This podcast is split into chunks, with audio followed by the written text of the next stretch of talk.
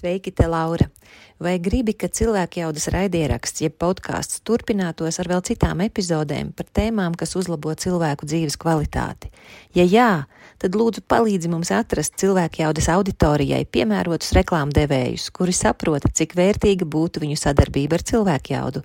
Mums tā būtu iespēja sekt regulāras izmaksas, kas saistītas ar jaunu epizožu veidošanu un nodrošināšanu cilvēkiem, lai visiem bez maksas ir pieejama noderīga informācija, kas uzlabo dzīves kvalitāti un palīdz ieraudzīt jaunas iespējas un risinājumus. Ja gadījumā tu esi no reklāmas aģentūras vai tam līdzīga uzņēmuma, tad varbūt tu vari mums palīdzēt ar ieteikumiem un idejām, kā mēs varam sastapt īstos uzņēmumus, kuri būtu priecīgi par sadarbību ar cilvēku jaudu. Mēs meklējam risinājumu, kurā visi iesaistītie ir ieguvēji. Kad apkārtējie jūtas labāk, tad dzīvojam veselīgākā un atbildīgākā sabiedrībā, un jo kvalitatīvāka tad ir cilvēku dzīve.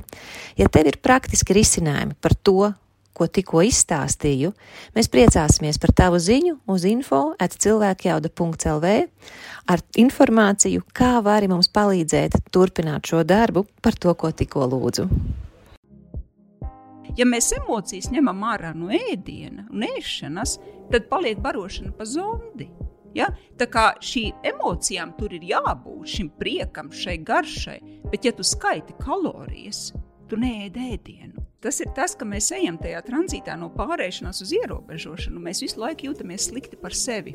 Ja? Jo ir šie koncepti un šie noteikumi, kurus neviens e, cilvēks īsti līdz galam ievērot nevar. Ja mums nav šī, šī elastīgā pieeja.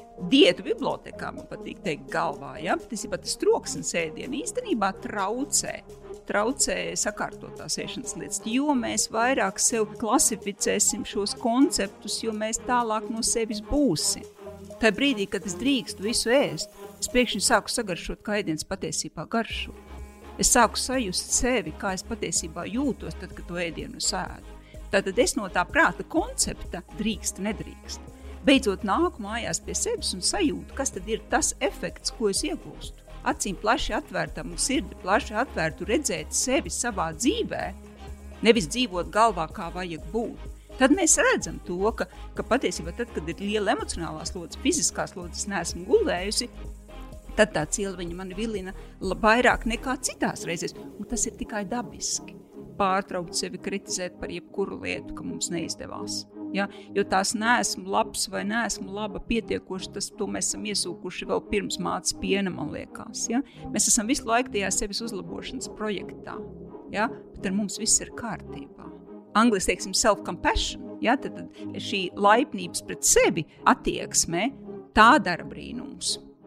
Šodien cilvēku jaudas saruna mums ir par tēmu, par ko laikam viena no visbiežāk jautātajām. Laura, lūdzu, atrod cilvēku, kurš mums var palīdzēt. Laura, lūdzu, ir atradusi cilvēku, kurš mums var palīdzēt.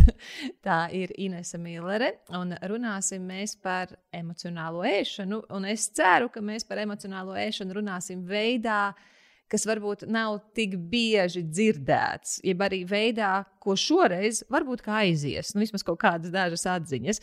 Uh, Ines, kas ir tas tavs nu, amats, tituls, kā tu pati lietas klāt pie Inesa Millere? Es saku apzināts iešanas treneris. Apzināti, apzināti ēšana, mēs par to parunāsim vēlāk, kas tas galu galā ir. Jo te, te bieži vien izskatās arī, ka nevienmēr tas, ko pasaule pazīst par apzināti ēšanu, Latvija arī tāpat izskatās. Tā kā par to arī parunāsim. Jā, bet apzināti ēšana kā pieeja.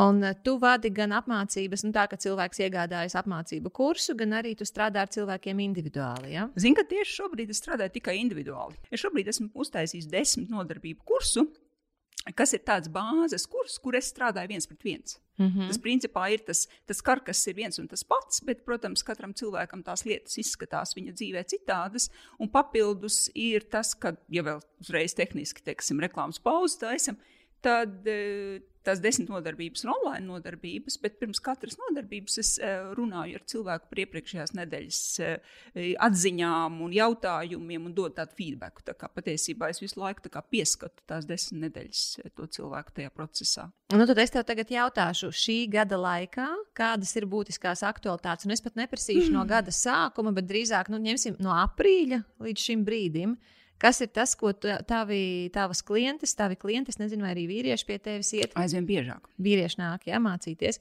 Tātad, kas, kas ir tas, kas cilvēkiem sāp visvairāk attiecībā uz savu savām attiecībām ar ēdienu? Ko tu esi pamanījusi, kas ir tas, kas ir sāktualizējies? Jeb aktuāls ir tas pats, kas visu laiku ir bijis aktuāls. Tikko es gribēju to teikt, ka aktuāls ir visu laiku viens un tas pats. Un 13. slavenajā 13. martā viss aiztaisījās Latvijā ciet. Patiesībā tas, ko es pamanīju, bija, ka cilvēki principā, kā ļoti labi zini, cilvēkiem ir noteikts dzīvesveidu rutīnas, veselīgi tā teikt, dzīvesveidu rutīnas. Man ļoti tas vārds, tā teikt, pateikšu arī, kāpēc nepatīk. E, viss bija kārtībā, viss bija sastruktūrēts. Un tajā brīdī, kad notika šīs lielās pārmaiņas, ļoti daudz cilvēku, kuriem bija viss kārtībā ar dzīvesveidu, pēkšņi izrādījās, ka tik kārtībā nav. Ja? Tad tajā brīdī, kad mums ir lietas pārmērīgi sastruktūrētas, e, tā lieta, kas mums trūkst un ko mums apzināti patiesībā iedod, elastīgu spēju piemēroties mainīgiem apstākļiem. Tad tas, kas mums iztrūka, bija elastība. Tas mums ir visu laiku iztrūkst, elastība. Jo, jo arī runājot par paradumiem, mums liekas, mēs sastruktūrēsim visu, un tagad viss notiks tieši tā. Ja? Un tas, kas mums nav, mums nav spēja piemēroties situācijai, kura nomainās. Tad, kad sporta centrs aiztais ciet, tad, kad jāstrādā no mājām, tad, kad bērni ir mājās. Tad šis ceļojums pie leduskapja kļuva ļoti īss, tā teikt, īss ceļš, un mums tad citi rīki lai mazinātu teiksim, savu spriedzi, lielā mērā tika atņemti, un citu mums nebija vietā. Es īsti nevaru atbildēt, jo principā mana dzīve paiet apziņotības lauciņā, un teiksim, šiem cilvēkiem lielās līnijās nemainījās nekas. Ja? Tāpēc, ka vienkārši tu esi tik uh, klāt esošs ar tām savām emocijām un domām, ka tu patiesībā spēj piemēroties. Un tās pārmaiņas, jā, ja tu druskuļi nosvārsties, principā tādā destrukcijā neaizgāja. Tā kā būtībā manu klientu problēmas nav mainījušās, kad, e, ka patiesībā tad, kad ir e, spriedze, tad tiek apēsts kaut kas vairāk, kas pēc pašas būtības nav nekas traks. Ja? Bet kā mums no malas saka, ka tas ir traks, tur ir, tur ir ārkārtīgi daudz to komponentu. Un tajā brīdī, kad ir šī vainas sajūta, ka es kaut ko apēdu, tas vēl kā sevis atkal lielāku apēšanu, tur, tur, ir, tur ir tās svārstības. Tā kā, ja man te jāatbild tāda īsa atbildē, tas īstenībā nekas nav mainījies. Vismaz maniem klientiem tā kā bija tā ir. Ja? Varbūt ja, tā, tas, tas ceļš līdz leduskapim ir īsāks, un tas lietas varbūt tā kā vairāk mēs ieraugam, bet ne. Mm. Viss tas pats vecais. Tu teici, ka nu, jau vīrieši ar vien biežāk nāk Jā. pie tevis konsultēties. Kas ir tās nu, sūdzības vai tas, ko, kas viņiem ir vajadzīgs attiecībā uz ēšanas izmaiņām? Jo arī man, esot šeit Latvijā, ir bijušas vairākas sarunas ar vīriešiem tieši par ēšanu. Un tie nav vīrieši, kuriem tā būtu nu, tāda baiga aktuālā tēma, ja ka tur vai nu, mm. tur, nezinu, kaut kādas svara lietas, vai ka jāpieaudzē, vai ka jāpazaudē. Mm -hmm. Tie tādi nu, pavisam nu, tādi ikdienišķi cilvēki, un arī viņi saka, ah, man tur ar ēšanu beidzot kaut kas jāsakārto. Ir. Bet kas ir tas, pie kā nāk tie tavi cilvēki? Man nāk sportiski, pat industrijā, sporta industrijā strādājoši, pasniedzēji, kas ir mediķi, vīrieši, kas ir sportiski tieši tā, kuriem īstenībā kuri ēd veselīgi. Ja? Bet viņiem ir šī vainas sajūta, ka tajā brīdī, kad viņi apēd vairāk saldumus, ja, tad, tad sākās viss tas stāsts galvā un tā sajūta, ka tās attiecības ar ēdienu nav tādas relaksētas un mierīgas, kad ir tāds, tāds visu laiku ir tā tāds iekšējs karš. Dietu bibliotekā man patīk teikt, galvā, ja patiesībā tas troksnis ēdienu īstenībā traucē. Traucē sakārtotās ēšanas lietas. Tā kā drīzāk šī, šī uh, doma, ka man ir jāatmet visi cukuri, jāatmet visi oglehidrāti, un ja es to daru, es esmu slikts, un tā vainas sajūta, tas ir tas, kas, ko es redzu maniem kungiem. Jo tie visnotaļ nav tādi, kuriem ir, ir, ir problēmas ar, ar svaru, teiksim, tā vizuāli vai, vai tam līdzīgi. Un kāda ir tā, ko tu esi pamanījis ēšanas saikne ar to sajūtu, ka es esmu lūzere, ja es netieku galā ar savu ēšanu? Tas, tas pasliktina to visu, protams. Tas ir tas, ka mēs ejam tajā tranzītā no pārēšanās uz ierobežošanu. Mēs visu laiku jūtamies slikti par sevi. Ja? Jo ir šie koncepti un šie noteikumi, kurus neviens cilvēks īsti līdz galam ievērot nevar, ja mums nav šī, šī elastīgā pieeja. Ja? Tur tas, tas viens otru pastiprina. Tā kā man neizdodas, tad es esmu lūzere. Mm -hmm. Lai gan pašā būtībā i, tas koncepts ir, ir, ir, ir, ir fake. Tas koncepts ir, ka man ir jāspēj pieturēties pie noteiktām lietām. Tas ir mentāls koncepts. Un kāpēc viņš nav rīktīgs? Tas koncepts, ka man ir jāspēj pieturēties pie Tāpēc, ka to neviens lietām. nevar izdarīt. Tāpēc, Bet tas, ir, tas ir cilvēki, kas ir labākā formā nekā es. Un es nedomāju tieši sevi, ja es domāju jā, jā, jā. cilvēkus. Labākā formā kādā? Saproti, es strādāju ar šiem cilvēkiem. Vēders nekarājās pāri. Jā, es saprotu, bet tas, ko mēs redzam fasādi, tas, ko mēs redzam Instagramā, ka mēs, teiksim, pārdodam savu ķermeni un formā, kā tas cilvēks jūtas patiesībā, cik liels tas troksnis viņam galvā ir par drīkst un nedrīkst, vai tas viņam palīdz e, brīvi dzīvot un forši. Tur, tur, tur ir tā liela jautājuma. Pastāstiet vairāk par to troksni galvā, lūdzu. Jo tas vai nav tā, ka tad, kad cilvēks pievēršās tam, kā ēst un kā nēst, kad ir ļoti lielu daļu mēs domājam laika par ēšanu. Absolūti. Absolut. Vai tas ir troksnis? Tas ir kā normāli cilvēks. Nu, kā mēs nevaram izdzīvot bez tā ēdiena. Kad tu viņu sauc par troksni? Tad, kad ir drīkst un nedrīkst. Tad, kad es apēdu to, to, to gabaliņu cilvēciņus un uzreiz es saku, es esmu slikta. Tas Jā. ir troksnis. Tas ir troksnis, tas ir tas, ka es visu laiku vērtēju sevi pēc tā, ko es ēdu vai nē. Tas, kad es piekarinu birciņas, veselīgs, neveselīgs. Jo patiesībā es saprotu, teiksim, kas ir apziņotība. Apziņotība ir prāta treniņš, bet caur ķermeni. Tad, principā, tad embādi, tad, tad ieķermeniskot. Ja? Troksnis ir galvā, ko tur ir drīkst un nedrīkst, un, un veselīgs un neveselīgs, mežonīgi rietumi, nepārtraukti mainās informācija. Saprot? Bet tajā brīdī, kad teiksim, es ar cilvēku strādāju, pirmais, ko es viņam pasaku, tu drīksti visu ēst. Un tu neticēsi, 90% vairāk neko nevajag. Tajā brīdī, kad es drīkstu visu ēst, es pēkšņi sāku sagaršot, kā ēdiens patiesībā garšo. Es sāku sajust sevi, kā es patiesībā jūtos, tad, kad to ēdienu sēdu. Tātad es no tā prāta koncepta drīkst, nedrīkst. Beidzot, nāku mājās pie sevis un sajūtu, kas tad ir tas efekts, ko es iegūstu no tā produktu apēšanas, daudzuma apēšanas, un tad vienkārši caur to sajūtu es saprotu, ko jā, ko nē, kādos daudzumos. Jo no visu vai neko tas nekad nebūs, nebūs risinājums. Mums ir jāmeklē tas, tā pelēkā zona starp visu vai neko. Mm -hmm. Un tas ir atkarīgs no bezgalīgi daudziem faktoriem. Man teiksim, tiešām liekas, ka tad, kad mums liekas, mēs tagad uztaisīsim dzīvesveidu ieradumus tādus, kas, kuri nekad nemainīsies, bet tu ļoti labi pēc sevis zini, tad, kad tev ir lielāks slodzi, tad, kad tu, tad, kad tu neesi gulējis tieši tā, čau, un tad čau, un tad tu sajūties tu kā lūzere. Bet patiesībā tā ir tikai dabīga lieta. Tad, kad mēs sākam ar acīm plaši atvērtām un sirdi plaši atvērtu redzēt sevi savā dzīvē, nevis dzīvot galvā, kā vajag būt. Tad mēs redzam to, ka, ka patiesībā, tad, kad ir liela emocionālā slodze, fiziskā slodze, es neesmu gulējusi, tad tā cilviņa man vilina vairāk nekā citās reizēs, un tas ir tikai dabiski ko es varu darīt, lai es labāk izgulētos, lai es atbalstītu sevi, lai es, teiksim, man ir daudz mazāka iespēja, tā ir zināmā mērā prevencija, bet tajā pašā laikā es arī sajūtu sevi, kā es jūtos, e, tad, kad es izgaršoju to cieliņu, kā viņa patiesībā garšo, e, kā es jūtos tad, kad es apēdu it kā varbūt bija garšīgi, bet uzreiz uz pēdām nāk, es taču to nedrīkstēju ēst. Tā kā tur, tur tas ir, kad, kad mēs, mēs nākam no tā koncepta, mēs beidzot nākam sevi iekšā, kā ķermenī. Un mēs sākam sajust to rezultātu no darbības.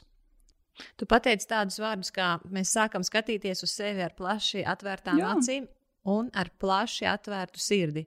Nu, kā tas ir skatīties uz sevi ar plaši atvērtu sirdi? Tad varbūt ir jāsāk ar, ar, ar, ar iespējams, Džons Kabatzins ir dzirdēts. Jā, tad, Nē, neesmu dzirdējis. Ne, tātad Džons Kabatzins ir uh, MBSR, tad Mindfulness Based Stress Reduction, apzinātība balstīts stresa samazināšanas programmas izveidotājs sagājušā gadsimta 79. gadā. Tātad Džons Kabatzins ir visas apzinātības tēvs, kur nu, mēs tagad pazīstam pasaulē. Tad viņš, eh, viņš garīgs koncepts pārlika sekulārā programmā, uz kura tagad balstās. Sekulārā programma pārtulkosim. Jā, nav garīgi, nav principā visa, visas apzinātības prakses, protams, ir savā eh, būtībā garīgas prakses, bet tas mēs to pārliekam kā prātreniņu. Tad sekulārs ir kā ikdienas dzīves. Ja? Tā, tā kā, kā parastiem cilvēkiem. To mēs parast... paskatāmies kā tikai kā prāta treniņš. Mhm. -huh. Jo pašā apziņotībā, protams, ir, ir kaut kas cits. Bet tā, tad atgriežoties pie tā, ko pateikt cilvēkiem, kuriem liekas, ka viņiem ir problēmas, tad man uzreiz jāsaka to, ko saka Džons Kabacins. Kamēr tu elpo, ar tevi ir vairāk kārtībā nekā nav kārtībā. Ja? Es tā vienkārši pārlieku latviešu, ja, jo man ir tendence arī angliski, par cik man viss, viss skolotā ir angļu valodā. Tad sākam ar to, ka visiem, kuriem liekas, ka viņi stresā situācijās izmanto ēdienu, ar tevi viss ir kārtībā pirmām kārtām. Ja?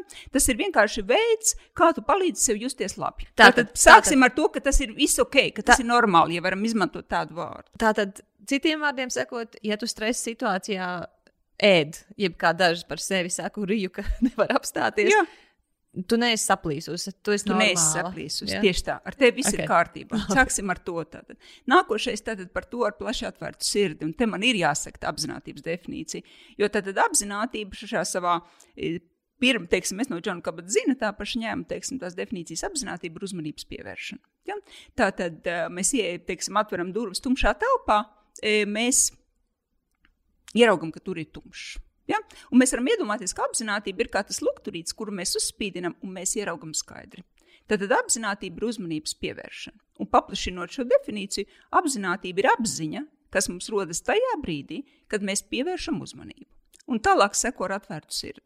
Tālāk seko veids, kādā mēs pievēršam uzmanību, ir laipna, ziņkārīga attieksme pret sevi. Un te sākās problēmas. Tāpēc šis, šis ir tik svarīgi, ka es te gribu nobremzēt. Apzinātība, apzinātībā būtisks ir veids, kādā, Kādā mēs, mēs pievēršam uzmanību. uzmanību. Un tam veidam vislabāk būt Tā ir, lai, tas ir tas, ko angļuiski sauc par loving kindness, tātad laipna, ziņkārīga, mīloša attieksme pret sevi. laipna, ziņkārīga, mīloša attieksme. pret Jo tas, sevi. ko mēs ieraugām, runājot par ieradumiem, nevienmēr mums patīk. nekad nepatīk. Nekad nepatīk. Tieši tā. Un pašā apziņotības definīcijā ir šis attieksme, ar kādu es pievēršu uzmanību. Tātad nevis es kratu pirkstu, bet es drīzāk saku, hmm, vai tas nav interesanti? Kā ēdiens priekšā tā mutē. Piemēram, ja? tā kā šī laipnā, atvērtā attieksme pret sevi ir fundaments tam, lai mēs varētu mainīt ieradumus vispār. Tātad, teiksim, ja cilvēks sev pieķer, nu, pieņemsim, mēs šorīt no rīta, tieši šorīt no rīta, Jā. es atnāku. Un uh, viesnīcas direktors, te, kur mēs filmējam, uh, viņš man nāk garām, un es viņam saku, cik viņš labi izstāsta, un viņš man saka, cik es labi izskatos. Un, man, un, un es viņam saku, nē, nē, šodien galīgi neizskatos labi. Viņš saka, nē, tev tik tā traka, traka tā, nu, tas schedule, nu, tā, tas dienas plānojums jau kuro dienu pēc kārtas, kā tu vispār turies. Jā. Un es viņam atbildēju, es tev pateikšu, kā es turos. Es tagad eju pēc vecrīgas kūkām. Tieši tā. Un es nēdu savā ikdienā vecrīgas, un es viņas arī šobrīd labprāt nēstu, bet man viņas vajag. Viņas veikalā nebija. Un vienu mazu brīdi man bija sajūta, ka, klausies, Lāra, nu tagad izej ārā no tās bodas, vai ne? Tu vari tagad aiziet ar godu atpakaļ. Nē, es nopirku citas būciņas. Jā, jā. Tas ir viss kārtībā, ar to viss ir kārtībā. Saproti, apzināti ēšana kā koncepts. Tagad, ok, mēs tagad jau pateicām apziņotības definīciju, jā, tad tā apziņa, kas mums rodas tajā brīdī, kad mēs pievēršam uzmanību. Un mēs šo uzmanību pievēršam laipnā, ziņkārīgā veidā. Tā tad es uz sevi skatos nevis, ej, tu, lūzere, vai arī klausies, nu tev taču vajadzēja vēl vairāk par to ēdienu padomāt. Nu, redzi, tu jau esi salīdusi galvā. Tieši Tur tā. tas koncepts. Un tad šajā brīdī es stāvu tajā konditorijā, un tai manai attieksmei pret sevi vajadzētu būt kādai. Kā man, ko, man, ko man vajadzētu Pirmkārt, tev atzīt, ka tev ir sūdīgi. man ir sūdīgi. Pirmais, ka tu jūties slikti. Ja? Jā. Ka tā, tā arī laipnā. Es Es, nevar- esmu es- ar sevi. es Es, nevarētu- es jūtos slikti. Šis ir grūts brīdis. Es nevarētu laikam tā atzīt. Es varētu atzīt, man gribas vairāk enerģijas. Tā es laikam teiktu. Vai tas nav attaisnojums?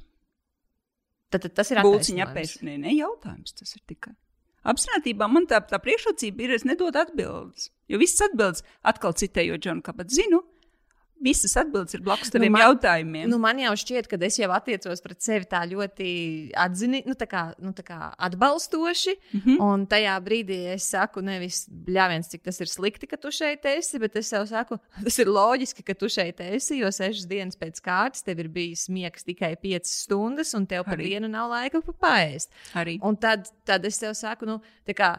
Man nepatīk, ka es šeit esmu, bet es saprotu, kāpēc es šeit esmu. Jā.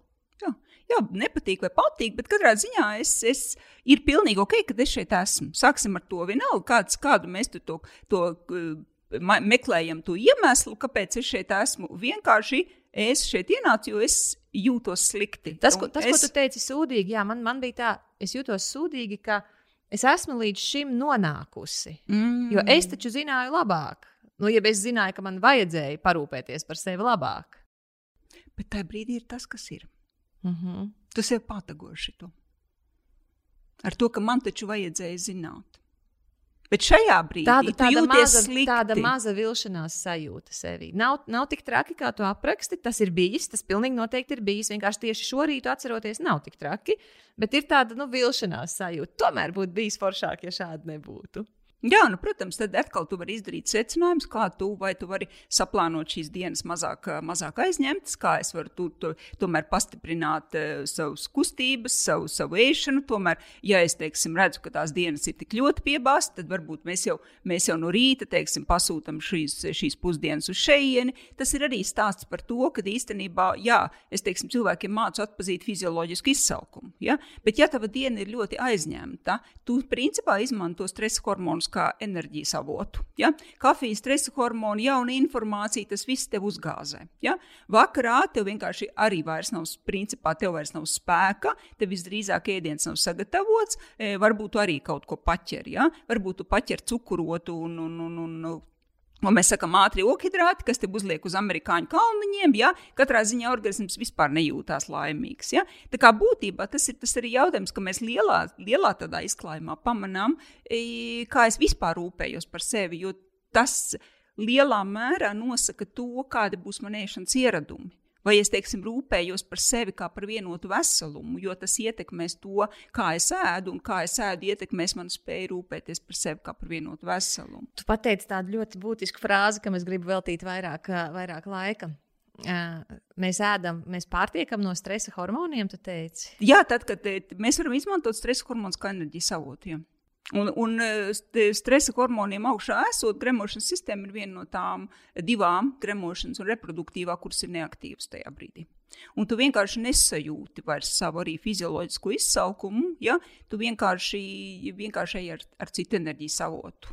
Vai tu lūdzu, tā kā šī ir ļoti būtiska lieta, kam es tiešām vēlos mm -hmm. pievērst cilvēku uzmanību, vari parādīt no savas prakses ar, ar taviem klientiem, kur tu klientiem esi norādījusi nu, teiksim, viņu situācijā, redzi, te ir tas, kur tu pārtiec no tā stresa hormona. Jā, tajos tieši tā, ka, kad, e, kā es teicu, mēs, mēs, es mācu klientiem atpazīt fizioloģisku izsalkumu. Ja? Jā. Bet ir situācijas, kur tā diena vienkārši ir pārmērīgi piebāzta, pārbāzta ar darāmiem darbiem, tad iespējams, ka mums ir pirmkārt jāsaplāno, jo, jo apzināti ēšanā mēs nerunājam par plānotām ēdienreizēm. Ja? Ka principā mēs izmantojam izsalkumu kā to brīdi, kad mums vajadzētu ēst. Bet, ja tā diena ir piebāzta ar dar darāmiem darbiem, tad iespējams, ka tu tik ļoti būsi aizņemta arī ar domām un ar šo e, stresa hormonu augsto līmeni, ka tu nevarēsi sajust savu izsalkumu. Tie ir tie brīži, kad patiesībā būtu labi, ja tev kāds pagatavo. Tā teikt, noliek burtiski šķīvi priekšā. Ja tev iet viens zūms pēc otra zūma, tad ir brīnišķīgi, ka tev kāds pagatavo. Ja tev nav tāds iespējas, e, tu varbūt vari pagatavot e, no rīta, teiksim, sagatavas lai tu paspēji, teiksim, dienas laikā kaut ko pagatavot, un varbūt, varbūt vienkārši arī pasūtīt, pasūtīt ēdienu. Ja? Un tad skatīties, kā es tomēr varu e, to savu dzīvi.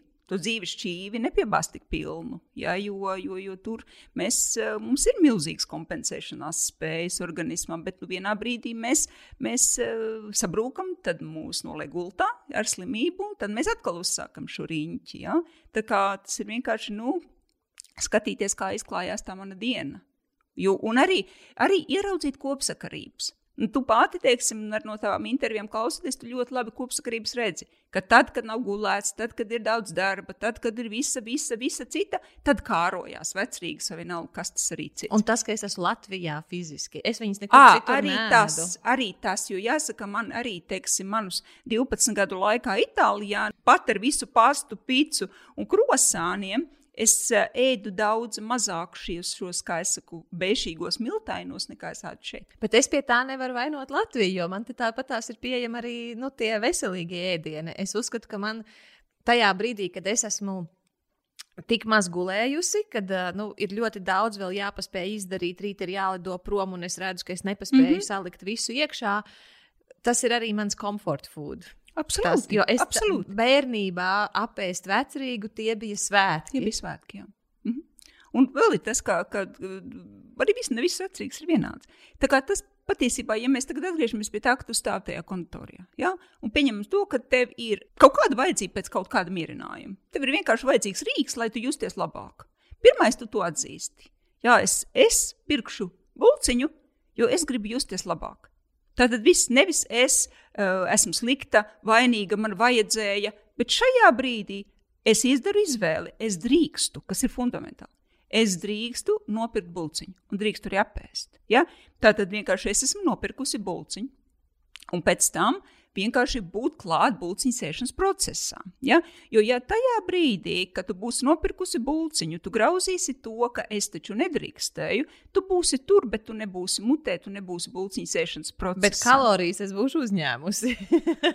Jā, redz, apzināti ēšana nerunā par ēdienu, neskaita kalorijas. Redz, tas, tas ir arī fundamentāli. Jā, ja? Un, uh, Un tajā brīdī, kad tu, draugs, mīļais, skaiti kalorijas, tu vairo savus stresa hormonus, tāpēc, ka tās ir domas, un mēs esam ķīmisks fabriks. Insulīns kopā ar kortizolu uzpakos tev ne tikai to vienu bulciņu, bet uzpakos daudz vairāk nekā to vienu bulciņu. Tā kā, tā kā to vajag nolikt malā.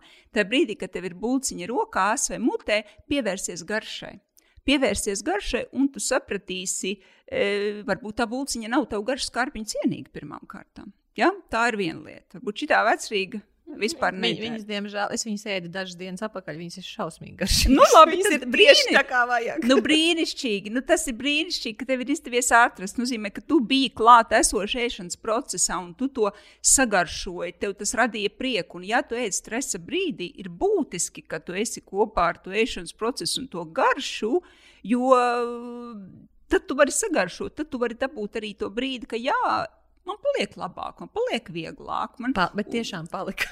Tieši tā, un tur, un zini, kāda ir milzīga atšķirība. Un es daru tieši to pašu. Man, teiksim, tad, kad man ir kaut kāda rakstu darba jāraksta, tā prokrastinācija, tad man leduskapis vilina vairāk. To, protams, tieši tāpēc, ka negribas to darīt.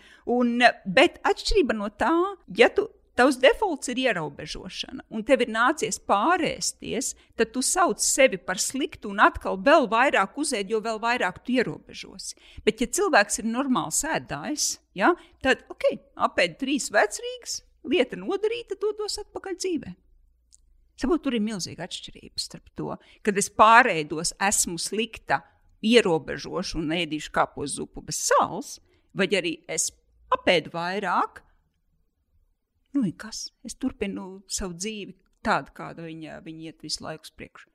Viss ir proporcijas atkarīgs. Tad tajā brīdī, kad es stāvu tajā veikalā vai ne, nu, konditorijā, un es tagad gribu tās vecrīgas, un es konstatēju, nav. Un es viņām prasu, kā nav. Nu, jums taču vēl atvedīs, nu, ar, ar domu es atnākšu vēlāk pakaļ. Nu. Un viņi tur šķirsta to savu kalendāru. Wow, un viņi man saka, nu, nē, ceturtdienā nebūs gan. un tad ir tāds, es atceros to momentu, un tagad ej ārā, jo vē, tu, tu gribēji vecrīgas, tu neko citu negribi. Mm. Tu gribi vecrīgas, un es vēl visu nopētu, un nedara man nekas tas nav tā kā vecrīgas, bet man vajag sev mierināt tagad. Jo man tā enerģija, kā es tev saku, bet enerģija man ir vajadzīga kaut ko garšīgu. Tad es gribu, nav jau tā, ka man enerģija un garšīgi tu pati jau, jau lieti. Droši vien es tur esmu. Es tu meklēji, tu meklēji attaisnojumus. Tev nav, nevajag tad, kad tu nost, saki, es ēdīšu bulciņu, tev nav jāmeklē attaisnojums. Es varētu vienkārši ņemt. Tu vienkārši ņemt un ēst bulciņu. Tieši Jā. tā. Un tajā brīdī, kad tu meklē attaisnojumus, tu jau jūties vainīgi. Tu domā, ārprāts, ārprāts, cik tur tās kalorijas apēd. Bet uh, viss, tu jau esi iedarbinājis sistēmu. Bet īstenībā tas, tas ir tāds, ar ko es ikdienā nenodarbojos, ka mēs šobrīd vienkārši filozofiski risinām lietas par tēmu. Ja? Jo būtībā tas jautājums ir par to, ka tad, kad tu to būciņu esi nopirkusi, tev ir jāatļauj tā būciņa sev apēst un jāsajūt tās būciņas garša.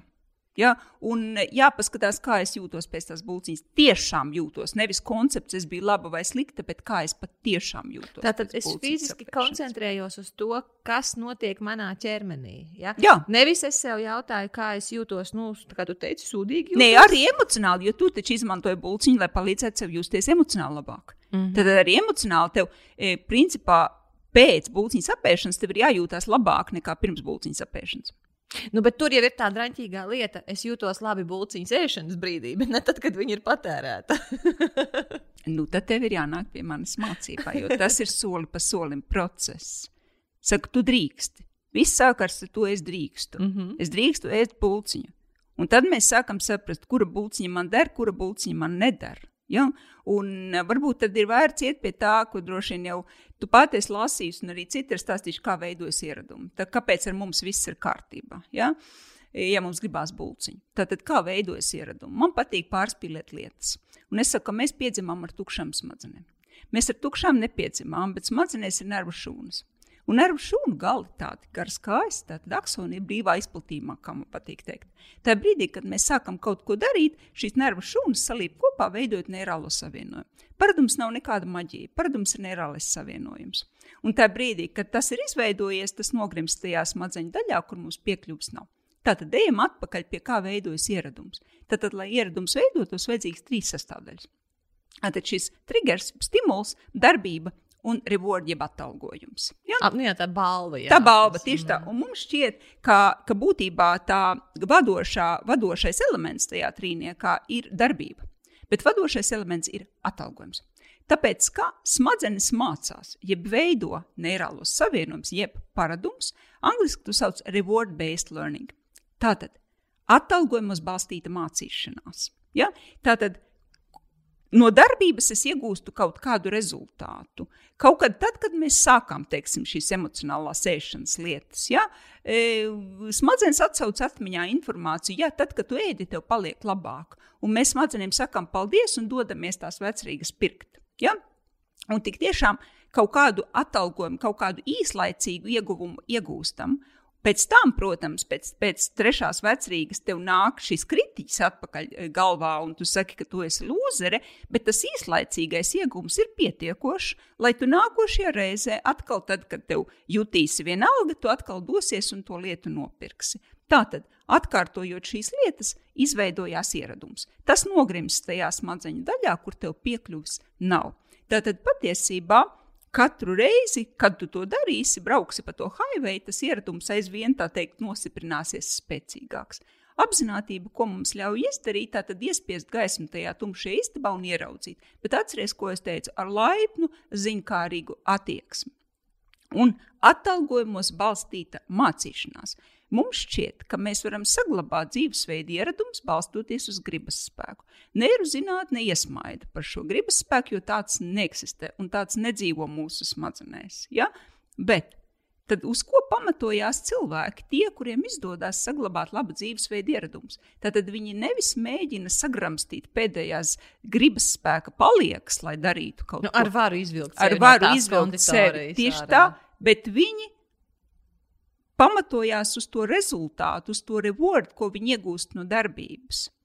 Mm -hmm. Tātad, un tad, kad tu ej to būciņu, tu piefiksē rezultātu. Tu piefiksē rezultātu pēc vienas vecrīgas, tu piefiksē rezultātu pēc divām, tu piefiksē rezultātu pēc desmit un tu vienā brīdī sasniedz kritisko masu, ka tu saproti šādā veidā, bez vērtējuma, piefiksējot gan sajūtu, gan arī to, e, to emocionālo, visu to komplektu kopā. Vienā brīdī mūsu smadzeņu fenomens ir tāds, ka tās sasniedz kritisko masu, kurš saka, nē, Laura. Tomēr tu jūties sliktāk nekā labāk. Ja? Tas, tas ir process, bet tas nav stāsts, ka mums kaut kas nav kārtībā. Tas ir stāsts par to, ka mēs negribam justies slikti. Un ēdiens ir bezrecepšu antidepresants. Tas ir, tas ir pieejams un tas strādā. Un tas nav nekas slikts. Es 12 gadus nodzīvoju Itālijā. Ja mēs emocijas ņemam ārā no ēdiena un ēšanas, tad paliek barošana pa zondi. Ja? Tā kā šīm emocijām tur ir jābūt, šim priekam, šai garšai. Bet, ja tu skaiti kalorijas, tu neēdi ēdienu. Mm. Tu skaiti kalorijas. Tā kā, tā kā patiesībā tas smadzeņu veids, kā tās veido ieradumus, nāk mums talkā. Tāpēc, ka tajā brīdī, kad mēs saprotam, ka mums ir jāpievērš uzmanība tam reward, tam rezultātam no darbības, un tas rezultāts var būt ar pluszīm un mīnuszīm. Ja?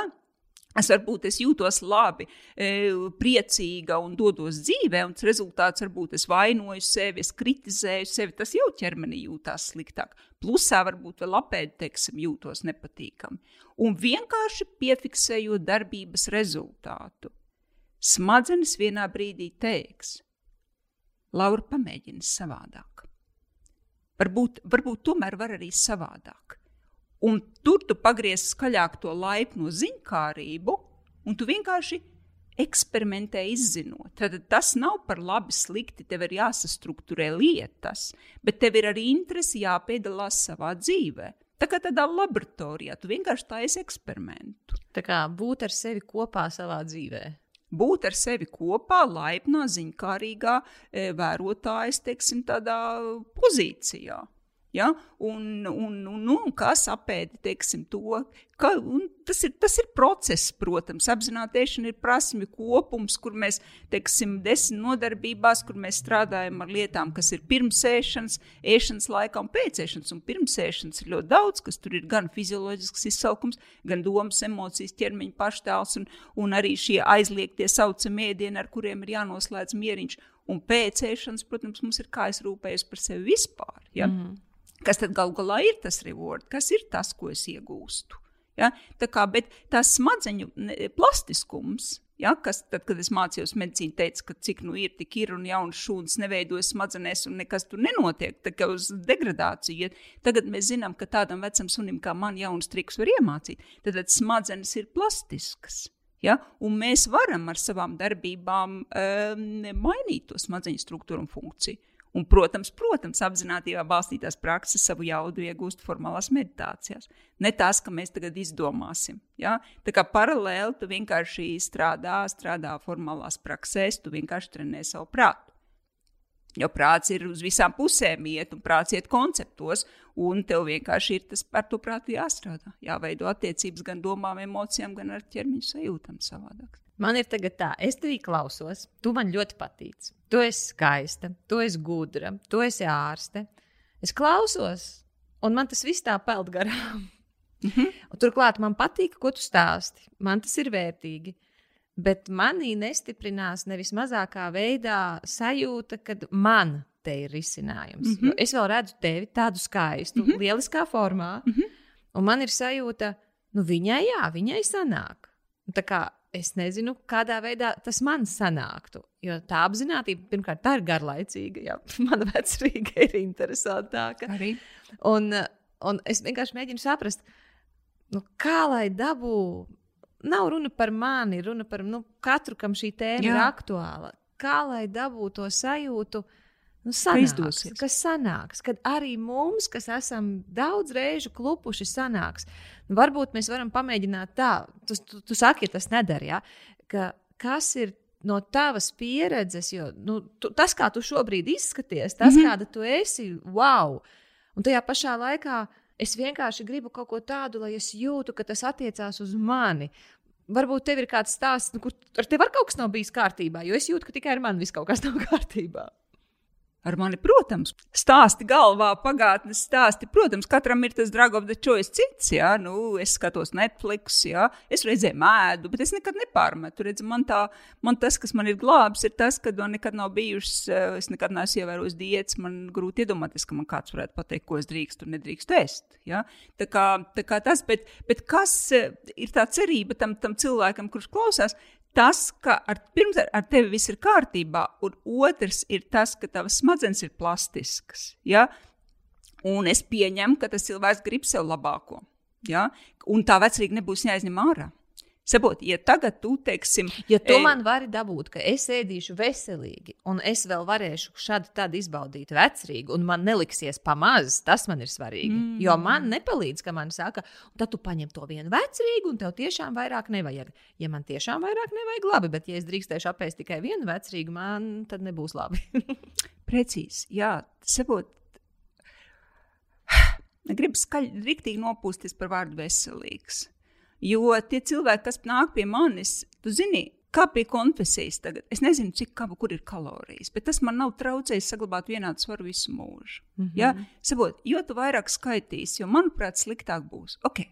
Es zinu, ka cilvēki, kas klausās, varbūt arī, arī nepiekritīs tam. Tātad veselīgs, neveselīgs. Mēs jau ieklasificējām. Ja? E, tikai vienu vecrīgu drīkst un reti un izbaudīt. Jā, jā, es to visu teicu. Jā, jā, tā, tu tā teici, tā. un tu, tu neesi vienīgā, kas tā saka. Tāpēc, ka teiks, tu visu drīksti, bet, un šī brīdī, kad ir bet, ne, tas ir precīzi slikti. tas pats, kā nedrīksti. Tāpēc, ka es tev teicu, tev ir jāpiefiksē tavs rezultāts pēc dienas redzības, pēc divām, pēc trim, un pēc piecām, un pēc desmit. Mm -hmm. ja? Un vienā brīdī tu sapratīsi to vārdu, bet ja es drīkstu, mm -hmm. šodien, un arī rīt. Mm -hmm. Un arī šorīt, un arī pēcpusdienā. Mm -hmm. hmm. tad kāpēc man ir jāēd desmit? Varbūt, man pietiek pusi pat, bet nevis tāpēc, ka viena tante teica, bet tāpēc, ka tu sajūti, ka tev ir pietiekoši. Tāpēc tur, tur ir tā, tā maģija. Tas ir tas, ko es redzu tiem cilvēkiem. Viņi nāk neticīgi. Viņi nāk, viņi principā ok, es esmu visu izmēģinājusi, es vēl gribu šo izmēģināt, bet es īstenībā neticu. Bet tad, kad viņi pirmajā nedēļā vēro tos ieguvumus no darbības savas, viņiem nekas nav jāmaina pirmajā nedēļā. Viņiem ir tikai jāvēro, kāpēc viņi ēd, varbūt kā viņi ēd, e, kas ir tas, ko viņi izvēlās atkarībā no šī, kāpēc, kas ir tas, ko viņi iegūst no tā. Ja? Un reizēm ir tas, ka jā, es sapratu to, ka es patiesībā nebiju izsalkusi, bet sēdu tikai tāpēc, ka okay, nu, vīram bija sataisīts. Es sēdu tikai tāpēc, tas, un kas bija tas ieguvums manējais. Un es nekritizēju sevi, es ar laipnām, ziņkārīgām acīm vēroju rezultātu. Un tam cilvēkam, teiksim, es eju visu laiku blakus, un plusā, teiksim, to lielāko efektu, protams, iegūst šie, kuri sēž arī formālās praksēs, bet tās ir, teiksim, piecas minūtes, kurā tu patiesībā trenē savu prātu. Jo tavs prāts un tavs smadzenes, un tas nav tavs ienaidnieks, bet tas ir trenējams. Tur ne, nu, ir jā, diemžēl tam, tam nepatīkamajam ir jāiet cauri, bet tas ieguvums ir daudz foršāka, garšīgāka dzīve, jo tu beidzot sagaršo ēdienu garšu, tu saproti, ka jā, es drīkstu. E, tev ir daudz lielākas arī tās manevru iespējas, e, ka nevis tas ir veselīgs vai neveselīgs, bet tu vienkārši esi gatava eksperimentēt uh, plašāk un, un, un, un prieku. Man liekas, ka tā ieklasificēšana, veselīgs, neveselīgs, izņem to prieku ārā. Man liekas, kāpēc tas šķiet no tā sēšanas. Jā, es piekrītu. Man šķiet, ka tas, ko tu teici, ka tu lietas pirmās nedēļas laikā pievērst uzmanību, ka tas ir tāda tā kā datu ievākšana cilvēkam Jā, pašam precīzi, par sevi. Precīzi. Un tu nepretendi, tu nepaģēri rezultātu no sevis. Tu vienkārši neitrāli vāc datus. Un kā tu to cilvēkiem var iemācīt? Jo, pieņemsim, runājot par naudu, tik daudzi, kas grib savest kārtībā savas finanses, un viņiem saka, sākumā vienkārši tīri intereses pēc pasties, kā tu tērē, apsolot sevi netiesāt, apsolot sev neko nepārmest. Un taču cilvēks tik un tā nevar saņemties. Un tas pats ļoti daudz, kuras redzu, attiecās arī uz ēšanu. Viņiem saka, mēs tikai ievāksim datus, nekas, nekas traks nenotiks. Bet nu, ir pilnīgi tā kā nu, ļoti liela pretestība. Es negribu redzēt, jo tas, ko es redzēšu, būs traki. Redzīt, tāpēc es nestrādāju atsevišķās konsultācijās. Mm -hmm. Ja? Tāpēc ir šis uh, soli pa solim šis kurs, kur tā katra nākošā puzles daļiņa veido to kopīgo bildi. Jā. Jo pat ja cilvēks ļoti bieži nonāk līdz puskursam un liekas, ka nu, nav vēl, nav vēl, un mums tas taču dzirdu un redzu un lasu to, tā, tas kritizējošais, tas nāk un nāk un nāk. Un, principā, eh, tas, ka ir tāds cilvēks, kas viņus uzmundrina un pasaka, ka viss ir kārtībā, ka var paskatīties no citas puses, vienā brīdī notiek tā maģija, notiek tas lūzums. Bet tas ir soli pa solim process, tas nav, tā nav viena reize. Mm -hmm. ja? jo, tas, jo tev ir lielāka neizdošanās pieredžu, teiksim, tas krāvums tevī, tev ir tās. Tā kritiskā balss visu laiku tev galvā teiks, bet vajadzēja tā, bet vajadzēja šitā. Bet tas ir, tas ir paveicams. Tas ir paveicams, tāpēc es tāpat nevaru izskaidrot, kur ir tā maģija, bet tās transformācijas notiek pilnīgi visiem. Mm -hmm. Un, un uh, bieži vien tas varbūt nav tieši e, svara kontekstā, jo tur ir daudz to faktoru un, un, un varbūt ilgāks laiks vajadzīgs. Bet tās iekšējās transformācijas, tas prieks, tā brīvība, cilvēks saka, es nekad nevarēju iedomāties kad es, eh, es varu, varu brīvi izvēlēties, eh, nevainojot sevi, ar garšu ēst, eh, saprast un atstāt pat vēl šķīvi, kur agrāk nevarēju. Tas, nu, to es redzu, ka tas viss ir iespējams. Mm -hmm. Tā kā mhm. nav tā, ka to, to nevar izdarīt. Tu teici, tu esi apzināta ēšanas trenere es plānoju veidot sarunu par emocionālo ēšanu. Kas te sakrīt, kas nesakrīt? Kā radās tas, ko mēs saucam par emocionālo ēšanu? Tā tad uh, ir nepatīkama emocionāla sajūta. sajūta. Es mm -hmm. vienkārši jūtos iekšējā distresā, un ēdiens ir ātrs un, un, un tik tiešām efektu dodošs. Un tajā brīdī, kad es to vienreiz apēdu, šī labā īslaicīgā atalgojuma sajūta ir pietiekoša, lai nākošais atkal, kad es justos emocionālā bedrē, es meklētu ēdienu un atkal ēstu. Tātad šādā veidā pa šo trīnieku, šiem trim komponentiem ejot, mēs izveidojam to, ko sauc par paradumu, tātad šis neirālais savienojums. Tātad tas ir lieta, ko mēs gribam risināt. Mēs gribam emocijas neapēst, ja mēs tā, tādā lielā, lielās līnijās. Ja? Mēs gribam emocionālās situācijās neizmantot ēdienu. Mm -hmm. Nu, mē, nē, zini, nē. Pat tā ne. Mēs, nu, ja godīgi, ja man ir jāatbild līdz brutālā godīguma līmenim, tas, ko es gribu, izskatīties labi un justies labi. Tas ir tas, ko es gribu. Man mm. ir viena alga, vai es savas emocionālās problēmas risinu ar uh, ēšanu vai kā citādi, bet mm -hmm. man negribās, lai man tāpēc nedara bikses, vai man tāpēc, teiksim, ir lēkā gara stāvoklis vai nogurums ir nevietā. Tas mm -hmm. ir mhm. tas, ko es negribu. Nu, un, protams, jā. tas, ko tu saki, jā, mēs negribam, lai mēs risinām ar emocionālo ēšanu, es piekrītu, bet tas nav veids, kādā es domāju. Es mm -hmm. domāju, dodiet man normālu vidukli un dodiet man stabilu enerģiju dienas laikā turklāt labu enerģiju. Nu jā, bet ja mēs teiksim, skatāmies, kā emocionāla ēšana, tātad kā apzināta ēšana var izsināt emocionālu ēšanu, tad uh, tieši tā apzināta ēšana ir prasme kopums, kur mēs ejam soli pa solim, skatoties daudz un dažādas lietas. Ja? Pirmais mēs skatāmies, kas ir izsaukums. Mm -hmm. ja? Tad, tad pirmām kārtām šī, šī izsaukuma sajūta, to jau ir grūti atpazīt. Mēs skatāmies arī, kas ir sācis, mēs skatāmies, kā ēdiens patiesībā garšo, noslēdzot mieru ar ēdienu. Tātad no neapzinātas emocionālas pārēšanās mēs mācāmies iet uz emocionālu, uh, uz apzinātu emocionālu ēšanu. Tad mm -hmm. kūks nebūs jāņem ārā. Paralēli mēs strādājam ar mūsu triggeriem. Mēs strādājam ar šīm emocijām, mēs strādājam ar domām, mēs strādājam ķermeņa pašstāvu. Patiesībā emocija, kura liek mums justies slikti un vedina mūs meklēt risinājumu, lai palīdzētu sev justies labāk, emocija ir messengers.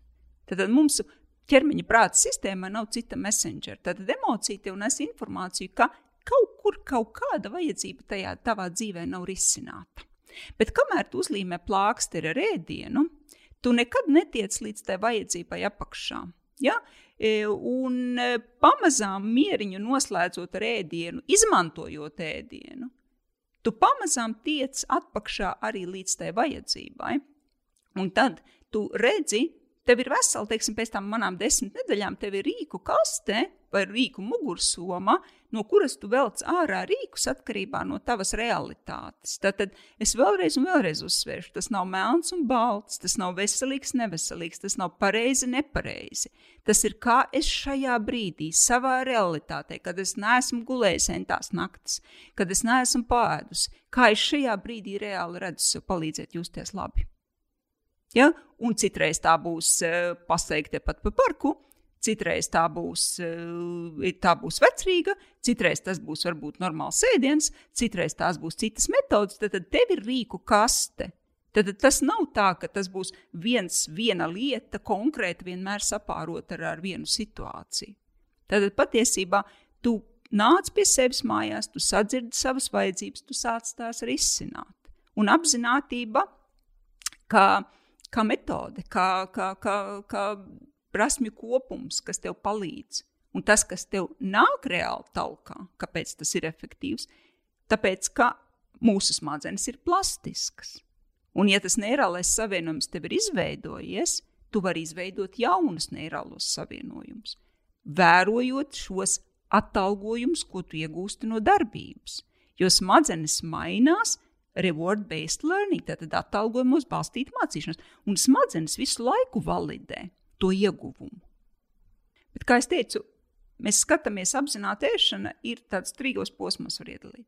Lietas, kas notiek pirms ēšanas, lietas, kas notiek ēšanas laikā, ja, kam mēs pievēršam uzmanību, un lietas, kas notiek pēc ēšanas. Tad, tad tas ir tas atalgojums, tas ir tas rezultāts. Ja? Mm. Tā, kā, tā kā būtībā tāpēc tas ir prasmju kopums, kurā tu soli pa solim ej, izmantojot savu interocepciju, kas ir iekšējās sajūtas, kas ir izsaukums sācis, garša, Ja? Otrs, tu drīksti visu, un līdz ko tu drīksti visu, tu beidzot sāc sagaršot ēdienu garšu. Tu drīkst izmantot ēdienu emocionālu situāciju risināšanai, bet vienā brīdī pievēršot uzmanību tam atalgojumam, tu saproti, ka man pietiek šodien ar vienu vecrīgu, Uh, un rītdien varbūt es varu iztikt vispār bez vecrīgas, jo man ir citi rīki, jo tur ir, tur ir paralēli meditācijas, ar ko tu strādā, kas tev māca citādas attiecības ar tavām emocijām un domām, ka tu vairs neesi impulsu vergs. Tas, ko es ļoti gribētu saprast, ir, kā novērst situācijas, ka tas aiziet tik ļoti dēlī. Ja, piemēram, nu, mani bērni ēd ļoti sakarīgi. viņi ēd tik, cik, tik, cik viņi grib. Ja viņi ir labi pēduši, un viņi tur negrābstās gar saldumiem vai kaut, kaut ko garšīgu, viņiem, protams, ļoti gribās. Nu, viņi ir puikas. Mm -hmm. es, es esmu meitene. Līdz 18 gadiem, un krietni daļa mūsu, mūsu auditorijas arī saka, ka nu, es biju caurbīra, vai nu, varbūt man nebija ar to ēdienu tād, tād, tādas cīņas. Uh, no kurienes tas ir, ka vienā brīdī tas ēdiens kļūst par cīņu? Ja pirms tam tas nebija cīņa, tas vienkārši bija nu, ēdiens, bija tāpatās kā, nezinu, nomazgāties, iztīrīt zobus, iziet ārā, nu, bet tas nebija, tā nebija tāda. Visas dienas gandrīz garumā kaut kāda apsēstība, cīņa, vēl kaut kas, kas sagāja dēlī. Informācijas trūkums, Instagram. Tas, ka mums tiek uzspiests noteikts izskats, noteikts, noteikts, noteikts dzīvesveids, noteikts veselīgs, noteikts neveselīgs, tad mēs gribam kaut ko izmainīt un uzsākam ierobežošanu, tad drīkst un nedrīkst. Jo mēs ātrāk sākam ierobežot ēdienu, drīkst un nedrīkst melns palts, jo sliktāk, sliktāk tas iet uz priekšu. Mēs visu laiku sākam vērtēt sevi pēc šiem konceptiem. Mēs aizvien vairāk attālinamies no sava ķermeņa patiesībā šis gaps radās, ja mēs, mēs risinām šeit un neesam šeit. Tad tā frāze mēs attālināmies no sava ķermeņa. Man, man tik, tikko bija saruna ar māsu. Manā māsa ļoti mīl saldumus. Viņai, ja vajadzēja paēst, viņa nopirka šokolādīti. Tas, tas, kā viņa teica, viņa paēda. Un tagad viņa man saka, nu, zini, es vairs neēdu tās šokolādes. Izrādās, man tur kas viņai bija galva šausmīgi sāp, ja viņa ēda šokolādes. Viņa teica, un vispār man tāpēc arī saldums vairāk negribās. Un tā viņa saka, bet, zini, īstenībā ķermenis ir baigi gudrais. Ja viņam pievērš uzmanību, baigi gudrais ir. Es tā vairs negribu.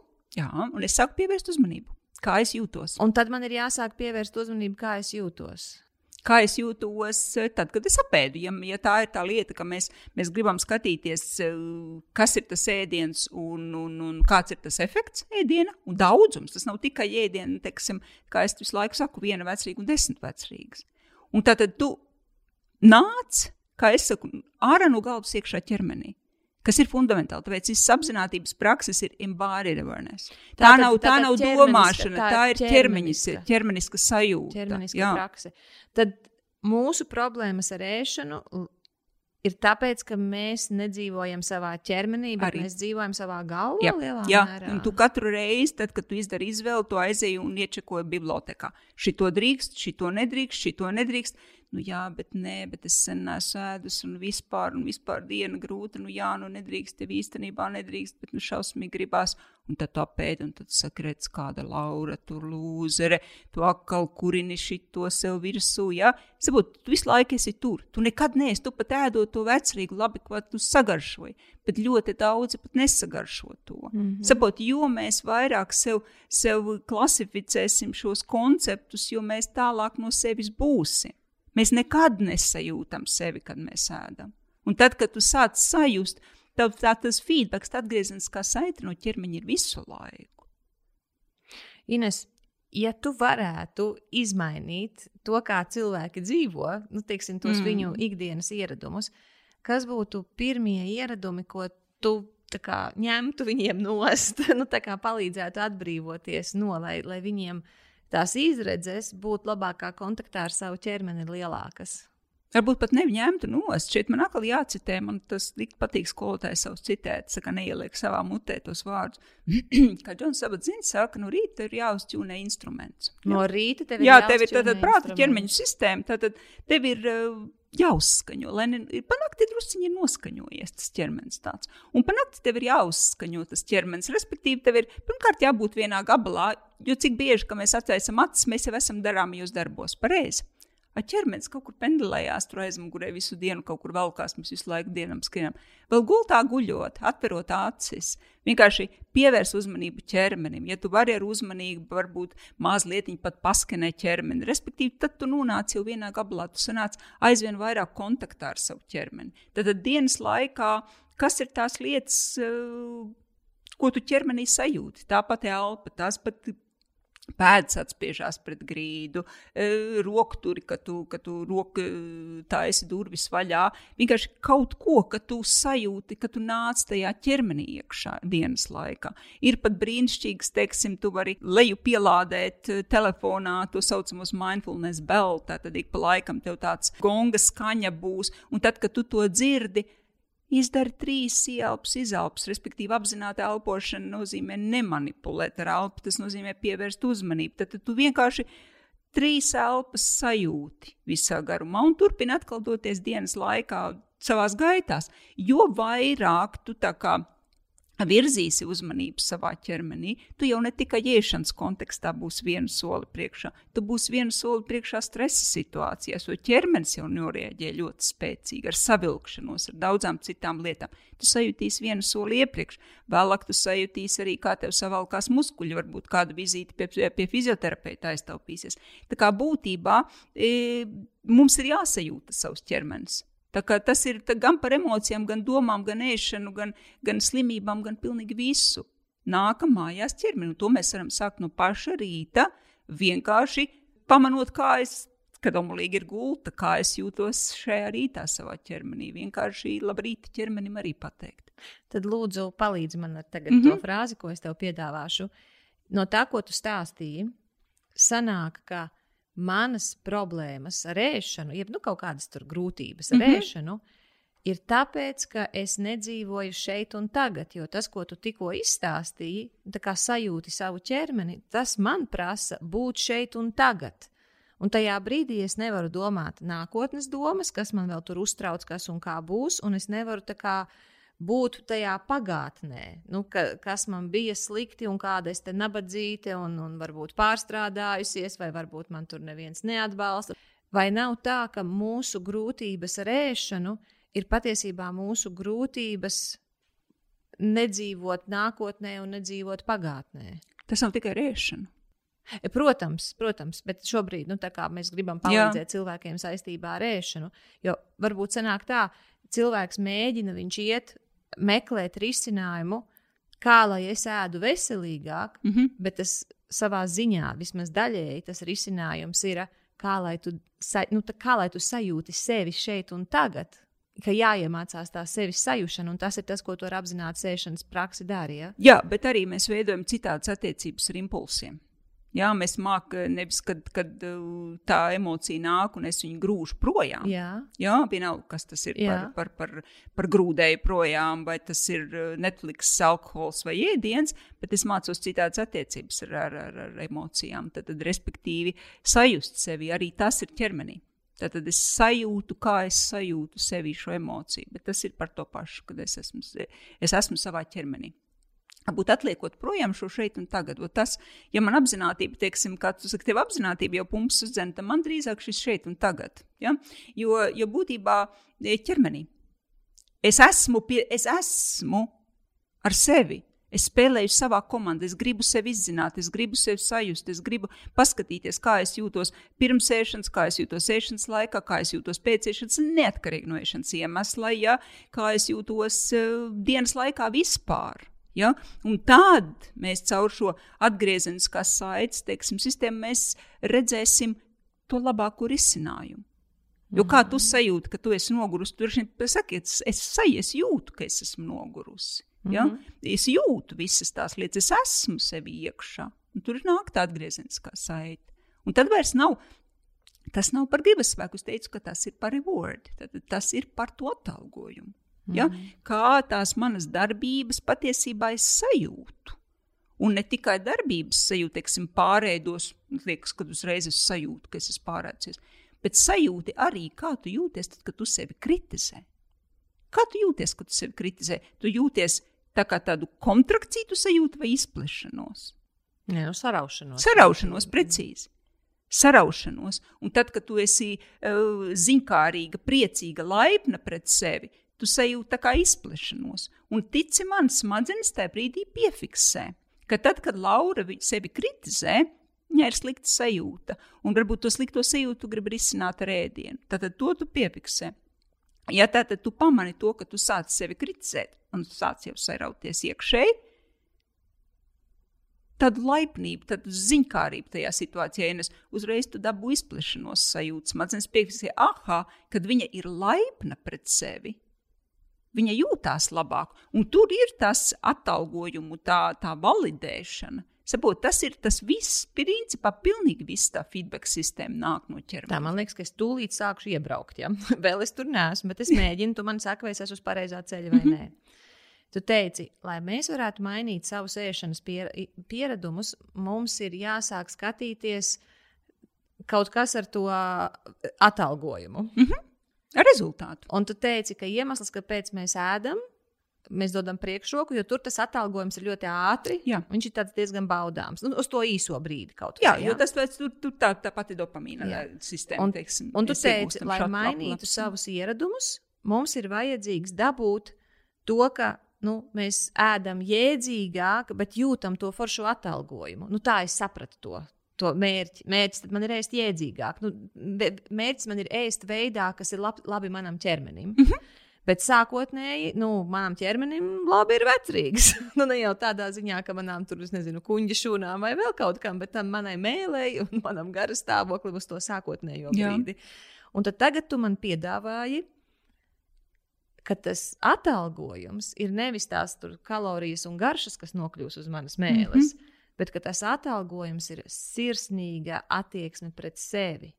Ka tā tad es, un tu laboji, ja, jo mm -hmm. varbūt es te visu esmu nepareizi mm -hmm. sapratusi, kad es mācos to to atalgojumu, tā kā es trenēju savas smadzenes, biežāk tikt pie atalgojuma, kas ir sirsnīga, laba sajūta pret sevi, jo, nu, tā kā attieksme mm -hmm. pret sevi, Jo tad notiek tā, kā tu teici, izplešanās, mm -hmm. kad es kļūstu nu, jaudīgāka, spējīgāka, man pavarās vairāk iespēju. Un tas, kā tu iegūsti to, to atalgojumu, ir atkarīgs no arī jā, no tiem pārējiem elementiem, gan no tā stimula, gan no tā cita. Jā, Bet protams, mēs visi iziešu uz ielas, es sajutīšu smaržu. Loģiski, ka man tur nebūs. Lūk, un automātiski, jā, mēs automātiski sajūtam smaržu, un es tā kā sekoju, sekoju tai smaržai. Ja? Bet, bet reizēm mēs sajūtam smaržu. Man, teiksim, personīgs piemērs tieši par smaržu. Tagad. Vienu brīdi es īrēju, īrēju dzīvokli netālu no laimes fabrikas. Tas bija pirms viņa nomainīja. Jā, jā, bet tas bija pirms viņa nomainīja tos piegādātājus. Tā kā vēl šokolādes smaržoja. Man liekas, ka tagad viņa tā, tā šokolāde vairs tik ļoti nesmaržo. Tas, ko es pamanīju, ka bija arī situācijas, kad es vienkārši. Vienkārši pabarojos. Vienkārši jā, ar smaržu pabarojos. Man neko vairāk nevajadzēja. Un es gāju vienkārši. Bet bija situācijas un dienas, kad ne, nepietika vairs smarža, kad kājas cilpoja, un es nopirku kaut ko tajā veikalā. Un tad, protams, tu vari vienkārši paskatīties bez kritikas un ar interesi, ha, interesanti, kas tur notika. Iespējams, es biju reāli fiziski izsalkusi. Mm. Ja? Tad mēs arī pavalkamies uz daž dažādām lietām. Ja? E, varbūt tur bija kaut kāda emocionālā slodze lielāka, varbūt bija tās citas lietas. Tā kā patiesībā nevis es kritiski skatos, es nedrīkstēju to darīt. Ja? Bet kas tur ir tajā kopīgajā manā dzīves izklājumā, tāds, ka reizēm man pietiek pabarot degunu, un reizēm mēs teiksim, eju smaržu. Tad tas atkal nebūs tās, tās, tās kastītes ieklasificētās. Tad tu pat izvēlēsies to risinājumu. Vai tā būs, būs tā, tā, tā, tas ēdiens, vai tas būs kaut kas cits. Bet ir vēl viena interesanta lieta, par ko es arī teiksim, tad, kad es strādāju cilvēkiem, um, uznāk augšā tas, ka ja tu gribi sakārtot emocionālas ēšanas lietas, tev ir jāēd ēdienas. Ja? Jo ļoti bieži, kad tu vispār to lēnāk, to lēnāk, man šis ir ļoti svarīgi. Nu, ja tu neesi ja, pēdus, ja to tev māsa gribu, arī pateica. Patiesībā. Ja es gribu sakārtot emocionālās Jā. ēšanas, ja e, vienkārši emocionālās problēmas, kā tur bija? E, principā, tad, lai tu neapēstu, neapēstu visas emocijas, lai tev būtu tāds, teiksim, ja es tas... gribu atrisināt emocionālo ēšanu, man ir jāēd ēdiens. Jā, jo tas, jo, jo ļoti bieži mēs sakam, es vakarā nevaru noturēties. Viss kā atnāk mājās, tā, tā teikt, atver, kā mm -hmm, atver, lai tas mm -hmm. skaptā aizver tur guļot gulētēm, varbūt vēl naktī atveru. Mm -hmm. ja? Un tas, ko es ierosinu paskatīties, ir, kas notiek ar tevi dienas laikā. Mm -hmm. Vai tu atvēli maltītēm laiku, vai tu atvēli normālam ēdienam laiku. Jo fizioloģija pieprasīs savu. Mēs pa dienu tātad uz šiem stresa hormoniem, uz visu, ja mēs varam ignorēt to izsalkumu kaut kādu brīdi. Bet izsalkums ir reptīļu smadzenēs, tā ir, tā ir fizioloģiska vajadzība. Ja?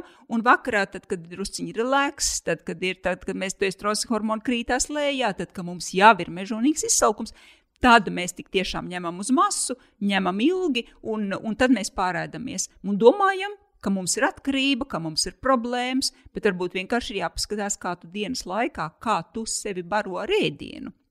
Jo, ja tu esi pāēdusi, viens tev ir nu, vienkārši tu jūties labāk, tev ir enerģija, bet otrs, kad tu vienkārši esi to izsalkumu apmierinājis. Un vēl papildus paskaties, ja tev ir tendence vakarā saēsties visus tos saldumus, kā tu vari šos saldumus ielikt arī dienas laikā. Un, un tik tiešām to es redzu no saviem klientiem, ka tajā brīdī, kad viņi sāk atvēlēt ēšanai laiku un ēd normālu ēdienu, tad uh, viņiem tā vajadzība pēc kārumiem arī samazinās. Tā ir viena daļa no bildes. Tas nav teiksim, viss tas, tas tā, tā, tā risinājums, bet tas varētu būt vienkārši kādam retros, nevis retrospektīvi, bet vienkārši nākamās dienās pavērot, kā notiek mana vakara ēšana tad, kad es esmu pa dienu ēdusi un kad es neesmu pa dienu ēdusi. Jo to var labi salīdzināt teiksim, ar tādu pat fizioloģisku vajadzību riešanu uz Ja? Un mēs taču nesakām, sagribās to lietu, nedrīkst, nedrīkst, nedrīkst, nedrīkst. Labi, ka te nalaidīs ieliknīši pareizi. Citādāk ir piečurāts bikses. Un ar ēšanu ir tieši tas pats, tāpēc, ka izsalkums ir fizioloģiska vajadzība. Mēs pa dienu varam tā kā atbīdīt. Un izsalkums ir ļoti pieklājīgs. Viņš tā tuk, tuk, tuk, paraujas atpakaļ. Tuk, tuk, tuk, paraujas atpakaļ. Vienā brīdī viņš nāk ar lielu masu, ja? bet, eh, bet mēs, tas nogāzīs mūs no kājām. Mēs nevarēsim vairs izdomāt. Vakarā mums arī tā saucamā, ja mēs paliekam pie gribas spēks, tāds eksistē. Mēs esam izsalkušas, mēs esam nogurušas, mēs esam emocionāli iztukšojušās.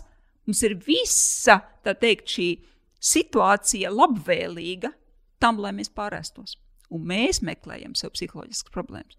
Varbūt paskatāmies, kas notiek rēšanas dienas laikā. Jau, jau tad pavisam vienkāršām lietām sākam. Tā, tā, tā ir arī tīri fizioloģiski. Tā ir absolūti tā par sevi ir jāparūpējas fizioloģiski. Pirms, absolūti. pirms pat mēs rūpējamies par sevi emocionāli. Ja? Absolūti. Tāpēc, kad e, tas pats tavs piemērs, tas pats mūsu visu piemērs. Nogurums, neizgulēšanās, daudz lielāka e, augsne tam, ka tu pirks volks. Un no stresa arī. Jā, ja jā, jā protams, stresa, protams, tad arī protams. gribās, vai taču visi slikti, man taču vajag nomierināties kaut kā. Tieši tā, un tāpēc ir apziņotības praksa speciāli, kas tev palīdz, e, palīdz e, strādāt ar, ar, ar stresa situācijām, veidot stresa noturību. Jo manā desmit kursu no, nodarbību izklājumā, tai kursā cilvēks veido noturību pret stresu, kas ir pats pat būtiskāk galvenais. Jo ēdiens nav par ēdienu, Laura mīļa, mēs visu laiku nākam atpakaļ pie ēdienu bet tas ir par mums kā ēdājām. Tas nav par ēdienu. Man ļoti patīk tas, ko tikko teici. Es nu, jūtu, ka oh, šito es sāku saprast. Un kas ir stress? Mana stresa definīcija ir stress, ir kas, kas mūs izsit no līdzsvara. Un vienai tā ir māja pilna ar bērniem, un citai tā ir neviena bērnu apkārt, ja, piemēram, tukša māja. Ja. Tā kā stresori mums katrai ir citi. Ja. Tā kā mums ir jāveido šī noturība pret šīm situācijām, kas mūs it kā izsit no psihoemocionālā līdzsvara, un jāliek savā rīku kastē plusā pie ēdiena, kas šobrīd ir pieņemsim kā risinājums, mēs pieliekam klāt citus rīkus, citas apziņotības, teiksim, rīkus. Plusā mēs sākam mācīt izmantot ēdienu prasmīgi lai apēdot nevainotu sevi, bet tā ir daļa no manas rīku kastes, kuru es pēc vajadzības izmantoju. Un tad pašā sarunas sākumā, tad, kad es tev jautāju, kas ir tās tendences, ko tu esi nu, pamanījusi, un tu teici, nekas jau diži nav mainījies, jo galvenā problēma ir mūsu uh, nespēja būt elastīgiem. Ja. Tad, kad apstākļi mainās, un noturība pret stresu, tam tad ir sanāk tā ļoti lielā saistība uh, ja mainoties apkārtējiem apstākļiem, es nevis palieku traka, bet es māku kā, regulēt sevi kaut kādā veidā, nu, regulēt tos procesus, kas manī notiek, domāšanas procesi, kaut kādi emocionālie procesi. Lai es esmu nu, tāda mierīgāka, apstākļiem mainoties, kas man ir jādara citādāk, lai es šo līdzsvaru saglabātu. Es to saucu par, par pārgrupēšanās mākslu. Pārgrupēšanās jo, māksla. Jo, jo būtībā tieši tā, jo, jo plāns A, piemēram, ja, Visi sporta centri vaļā, bērnu skolā, viss notiek, viss ir teikt, sastruktūrēts, viss ir kārtībā, viss ir forši. Ja? Tad situācija mainās. Tā vietā, lai man būtu plāns B, kur es arī rūpējos par sevi, kas ir piemērots teiksim, ekstrēmākiem apstākļiem, cilvēkiem izlido visi dzīvesveidi ieradumi pa logu ārā. Tad, lai mēs neietu no visu vai neko, mēs spējam elastīgi piemēroties, izvilkt to rīku vajadzīgo mm -hmm. no savas rīku kastes e, un e, palīdzēt sev justies labi, neatkarīgi no apstākļiem. Jo apstākļus mēs nevaram mainīt, lai kā mums gribētos. Mēs gribam, ja būtībā stress rodas no tā, ka mēs gribam visu laiku, lai ir citādāk, ja, ka mums nekad nav labi tā, kā ir. Ja, tā kā tur vēl arī tur var aiziet, bet būtībā atpakaļ pie stresa noturības mēs tā kā nošūpojamies, bet mēs nenokrītam ar sevi dubļos un nepaliekam tur. Un pat ja mēs nokritām un palikām, mēs ātrāk nākam atpakaļ. Tas ir tā tā rezilience. Tātad man ir šī, šī, šī, šī iespēja uh, atlikt atpakaļ tajos mm. sliktajos apstākļos. Ines, paldies tev par tavu pacietību, visu šo skaidrojot, jo tiešām nu, nav tā, ka man nepielic tas, ko tu saki, bet es negribu, lai man tas pielic tikai teorētiskā līmenī. Es mm -hmm. gribu tā, ka es un, un cilvēks, kas mūs klausās un skatās, un kuram kurš nav jauniņais šajā Jā. tēmā, bet viņam ļoti praktiski tā lieta, nu, ka viņš tā, kā, nu, tā, kā, tā sapratne palīdz arī no, no, nostiprināt tālāk tās praktiskās mm -hmm. iemaņas. Kas ir tas, kur tu redzi? Kas būs tas, kas mūs izsitīs no, nu, no tā ierastā, kā mm -hmm. mums ir, kas tipiski notiek ar cilvēkiem šajā laikā un kam tu pievērst uzmanību, lai kā, palīdzētu pievērst mūsu uzmanību, lai vienkārši rēķināties, lai tas jūs nepārsteidz nesagatavotus?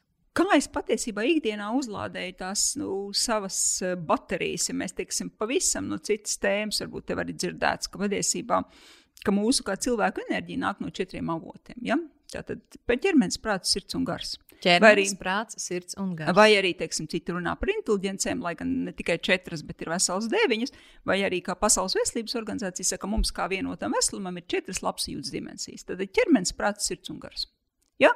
Un tas, kam ir vērts pievērst uzmanību, kā es rūpējos par sevi. Tad es to saucu par tādu pašaprūpes buferzonu. Tātad tas pats banālais. Kā es izkustos, kā es, kā es uh, ēdu, kā es dzeru, kā es guļu, ja, kā es menedžēju stresu, kāda man ir komunikācija. Tās visas lietas, tad kā es rūpējos par sevi kā par vienotu veselumu. Un tas ir ejot uz, uz tumšiem mēnešiem, arī tas, kad šī saules gaismas, teiksim, gaismas vispār samazināšanās, ja, kad mums rada šo nomāktību, tad, tad kā es tomēr varu izmantot tās dienas gaišās stundas, lai izietu laukā, lai, teiksim, saliktu gaišākas lampas, ja, kas palielinās arī to manu serotonīnu līmeni, kuru mm -hmm. mēs meklējam. Tātad meklējam bieži vien uh, saldumos un citās lietās. Ja? Kā es varu parūpēties par sevi lai justos labi. Mm -hmm. Lai es vienkārši justos gan fiziski labi, gan teiksim, mentāli labi, emocionāli labi, kā es varu atrast uh, vaļaspriekus atkal no jauna, teiksim, kā es savām, saviem klientiem teiksim, rādu slaidu, kur ir iedomājies piltuve, ja tāda piltuve. Un tā, tā piltuve, tāda izsīkuma piltuve, ko ir izdomājusi, izveidojusi Karolīnskas institūtā profesori, viņi pēta stresu. Ja?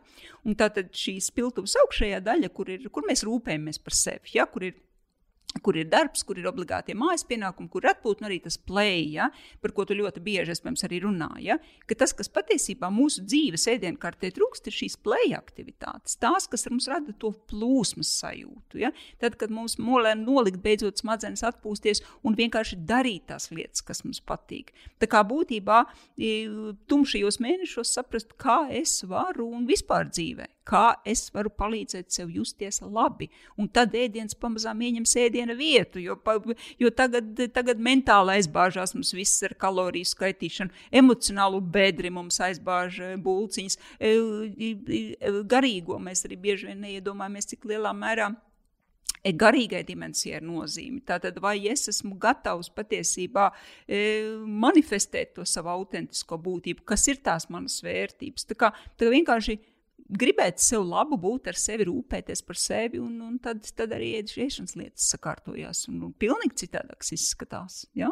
Ļoti, ļoti grūti ir šis Latvijas novembris un Latvijas decembris, kad sēž smadzenē, uz smadzenēm tev sēž tie mākoņi patiesībā.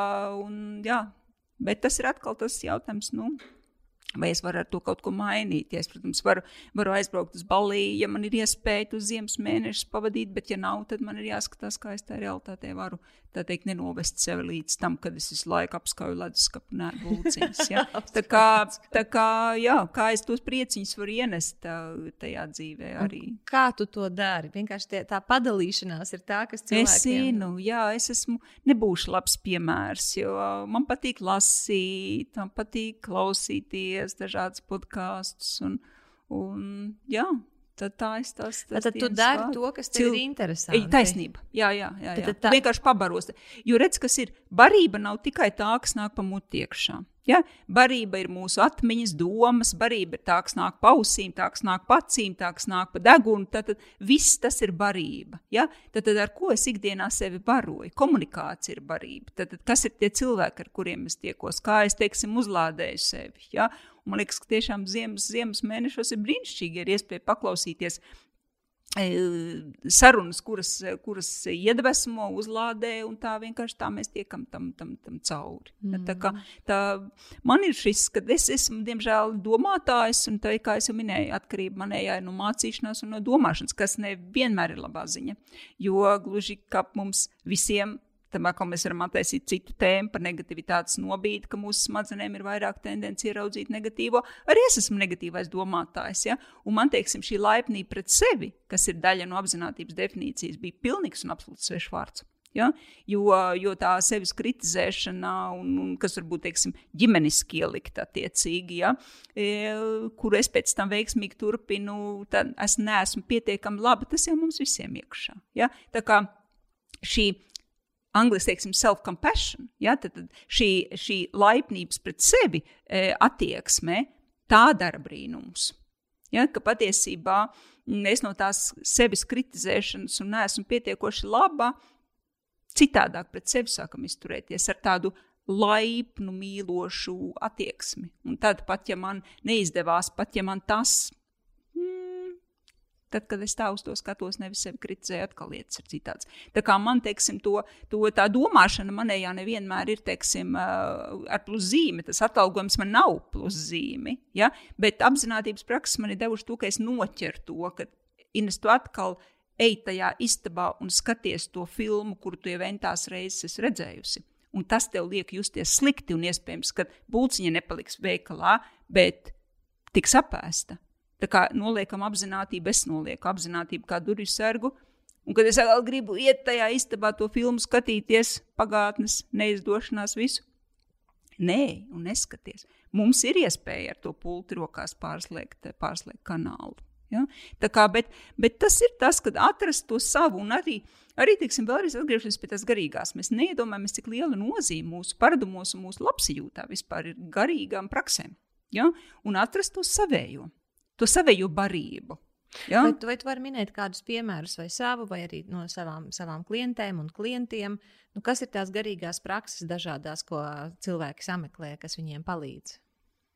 Nu, manējā, teiksim, manējā ir attiecīgi apziņotības meditācijas un viss, kas nāk, teiksim, austrumu, sauksim tos, nevis sauksim, bet, teiksim, budisma, budisms ar savām apziņotības praksēm, lekcijām un tiem skolotājiem. Tātad tu, tu droši vien praktizē loving kindness meditāciju. Es praktizēju, jā? jā, tas ir tas, lai metajā tā ir tā, un, un to mums arī pat, ja mēs, tā nav stāsts par budismu, tad stāsts ir par to, ka patiesībā mīlošās laipnības meditācija mums visiem ir fundamentāli, substanciāli vajadzīga, lai mēs pārtraukt sevi kritizēt par jebkuru lietu, ka mums neizdevās.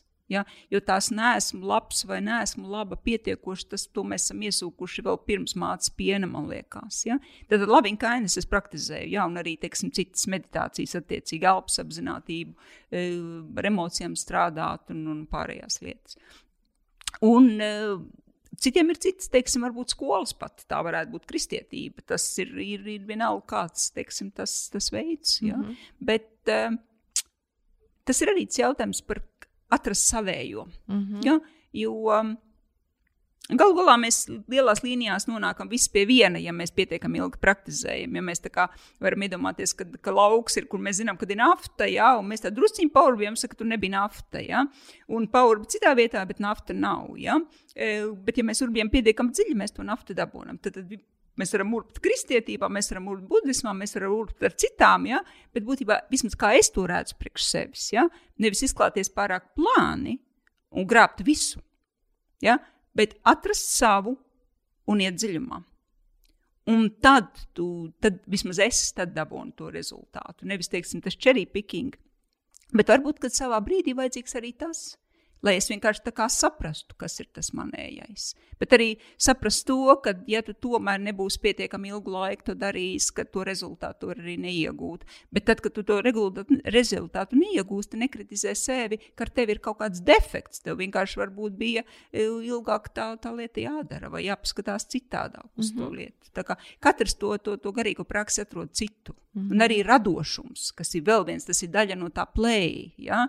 Nepavēlti spēlēšanās, rotaļāšanās. rotaļāšanās, bet arī tādā, mm, tieši tādā, tādā radošuma, radošuma kultivēšanā. Jo mums ir, teiksim, šī kas arī nav zinātniski pierādīts, labā un kreisā puslode radošā loģiskā. Un lielākai daļai mums mēs izmantojam to loģisko ikdienā vairāk. Ja?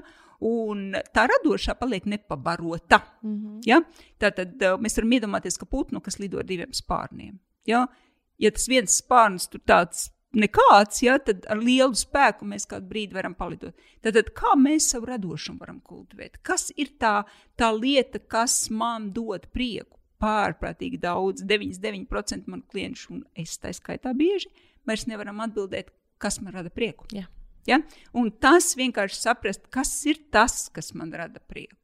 Tas mūs ceļ no tā, tās bedres ārā, kurā mēs tur, tur tev pitī partijā esam un, un, un visu laiku Jā, žēla balīte. žēla balīte un būciņas uzēdam un visu, bet kas man dod prieku? Kas ir tas, kas, kas, kas man palīdz justies labi? Tīpaši, tad, kad klimats jau sēž smadzenēm tiešā veidā novembrī. Tagad es teikšu tā, ah, jo viena lieta, ko tu kas, kur es redzu ļoti lielu līdzību, ir, um, tu minēji par ēšanu. Kur mēs darām sev pāri ar ēšanu? Ir tas, ka mēs lasām bibliotekā, ar to tu saproti to kambari savā paurī, ja, savā mm -hmm. galvā, kur ir visa savāktā informācija, un, un to ēst ir slikti, un to tagad ēst nav labi, un, un vispār tas ir slikti, ka tu pat gribi to, un tā, un tā, tādā veidā mēs sev nodaram pāri, un tā ēšana mums aiziet vēl vairāk pa pieskari. Jā. Un tagad tu teici, ka rotaļāšanās, tas, tas prieks, tā, tā, tā radīšana, tas radošums, nu, tā, nu, nodarbojies ar kaut ko radošu, kas tev atbilst, ja, kas tev sagādā prieku. Es esmu pamanījusi, ka iemesls, kāpēc cilvēkiem to ir grūti darīt, jo viņi tieši tāpat sēž tajā tai bibliotekā, citā nodaļā vienkārši, ja, mm -hmm. kas attiecās uz prieku. Ja tur mm -hmm. pirms tam bija nodaļa par ēšanu, kāpēc mm -hmm. tas ir slikti, tad tagad kāpēc tas prieks ir slikts prieks, ko tu tur grasies darīt. Un kāpēc es nevaru atrast uh, aicinājumu, jā. ka jā, nu tas, tas ir tas, kad, kad, bet laikam, bet varbūt, vienā brīdī mums dzīvē ir jāiet cauri. Redzi, man ir 60 gadi tūlīt. Ja? Un man, un man, okay, jā. es gribētu būt 60 Lūk, gados ar brīnišķi. šādu izskatu. Uh, tad, mums dzīves dažādās sezonās ir dažādas lietas. Ja? Tad, kad tev bērni ir mazi, tu vari izdarīt tikai tik. Ja? Tad, kad tev bērni ir lieli, kā man, mana meita ir liela un dzīvo citā valstī, uh, man ir visu laiku tā teikt, ko vien es vēlos darīt lietas, ko tik es visu gribu. Ja? Mm -hmm. Tā kā Vienkārši paskatīties savā realitātē, arī kas, kas ir tas, ko tu reāli vari darīt. Un nesalīdzināties, un kā es saku, atsakojiet Instagram kontiem tiem, kas jūs neiedvesmo. Un atkal, kā saprast, kuram Instagram kontam atsakot? Atkal nākam ķermenī. Ķermenis ir brīnišķīgs lakmus papīrs. Tajā brīdī, kad tu lasi ierakstu vai skaties bildi, ja tu ķermenī sajūti saraušanos, to kontrakciju, saka smadzeņi, tava, tava sistēma saka, nē, Tas nav, nav ok. Tu jutīsies slikti, un varbūt būciņa būs risinājums. Ja? Bet, ja lasot kaut ko, klausoties kaut ko, tev ir šī izplešanās sajūta, tev gribās izzināt, tev nevis es gribu zināt, tāpēc, ka man kaut kas pietrūkst, bet tāpēc, ka man ir interesanti. Ja? Piesakotiem cilvēkiem, klausies tās sarunas. Tā kā noliec apziņotību, kā durvju sargu, kādu informāciju tu patērē. Mm -hmm. ja? Jo tā, tā tu tiešām vienam tas sagādā prieku, vienam kaut kas cits sagādā Jā. prieku. Vienkārši ļauj sev eksperimentēt, neuzliec tās, tās robežas, tas pats ar ēdienu. Kēls var būt labs, bet ja tev kēls negaršo, tad, eh, tad vai vajag? Ja? Vai arī atrod veidu, kā sagatavot to tādā veidā, kā tu domā, nu, ka tev tā kā garšotu. Ja? Tā kā meklē savu, atrod savu, to, to savu autentisko būtību, to savu autentisko izpausmu, to atgriezenisko saiti tu sajutīsi visu laiku caur ķermeņa sajūtām. Jo prāts nokomentēs, jā, bet redzi, viņa tur tā, bet man tur nesanāk, viss cak, esam atkal iesprūduši. Bet, ja tu sajutīsi, ķermenis tev tad vienalga, vai tas ir tas gut feeling, intuīcija, vai tas ir vienkārši feedback sistēma, kura tad, kad tu jūties labi, tev dopamīns izdalās. Ja? Smadzenes dopamīnu izdala atbildot uz sajūtu, bet vai tu to sajūtu sajūti? Tas ir tas atkal. No paša rīta uzskaņo savu, ķē, savu, savu instrumentu, pie, nāc savā ķermenī iekšā, sajūti šo prieku ķermenī, nevis prieku mentālo. Bet bieži, teiksim, Tas, par cik es esmu mentālais, man teiksim, tas arī tā barošanās ar tām zināšanām man dod to, to, to, to foršo sajūtu. Bet atkarībā attiecībā uz zināšanām es vienkārši sevi pieķeru. Kurā brīdī es mācos, tāpēc, ka es neesmu pietiekoši laba. Mm. Un, uh, un, un kurā brīdī tas ir kaut kas citādāks. Kurā arī, brīdī tas ir tāpēc, ka tas dod prieku, un kurā jā. brīdī tas ir aiztaisīt jā. vecu kaut kādu caurumu. Jā, lai man tā teikt, visa mugura diploma ir noklāta, jā, lai man ir viens, eh, viens kurs uz citu, lai tā teikt, es visu laiku, tā teikt, mēs esam visu laiku tajā sevis uzlabošanas projektā, mm. jā, bet ar mums viss ir kārtībā.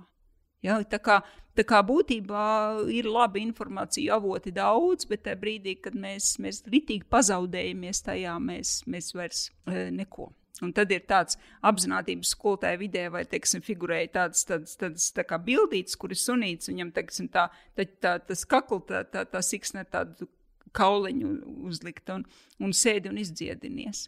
Tā kā tas jautājums ir, ka tu vienkārši nāc meditācijā, tu nāc mājās pie sevis. Saram, kā Tikna Hans saka, teiksim, tev iekšā ir karaliste. Ja? Tev ir šīs, šīs nu, sajūtas un domas, nu, respektīvi, viss, viss tev, teiksim, ir iekšā. Ja? Bet Tā karaliene jau sen nav bijusi mājās. Viņa tur dzīvojās, tur konceptos vajag, nevajag. Viss atnāk tagad mājās, ārpus tur logi vaļā, durvis vaļā, viss izmētāts, mēbeles apgāzts. Negribu es eju nākamo būciņu pērku. Bet nāc mājās, pacel tās mēbeles, aiztais tos logus. Nāc mājās pie sevis, iekārto to, to komfortablo istabu sevi iekšā. Tev tas potenciāls ir. Neskrien, neņem, neņemies tik daudz uz āru, nāc mājās, nāc mājās. Un tad, jo te atkal citēju savu skolotāju Džonu Kabadzinu, we are not human do, uh, doings, we are human beings. Bet mēs uh, tātad darbojamies kā human doings. Tad mēs esam visu laiku apsēsti mēs ar darbību, esam apsēsti ar darbību. Jā, un viņš saka, tad, kad doing comes out of being, tad tas ir different doing. Tātad, ja? tad, kad mēs tad, kad tā jā. balstoties uz to, kas ir mūsu esība, jā. tad... Tad ir tā ir citādāka darīšana. Tas citādāk izskatās un citādāk notiek. Mm -hmm. Tas ir tas, ka varbūt ziemas mēneši nepavēlti. Teiksim, man interesē, teiksim, arī, arī pavēlu jau gan ķīniešu medicīnu studēt, bet patiesībā, ja mēs paskatāmies tādu, teiksim, šī ziemas mēneši, mēs pas, daba mums māca, mums jau nevajag tāliet, nevajag ķīniešus, mums vajag dabu paskatīties. Daba nāk mājās, tad tas ieraujās uz iekšu. Notiek iekšējie procesi.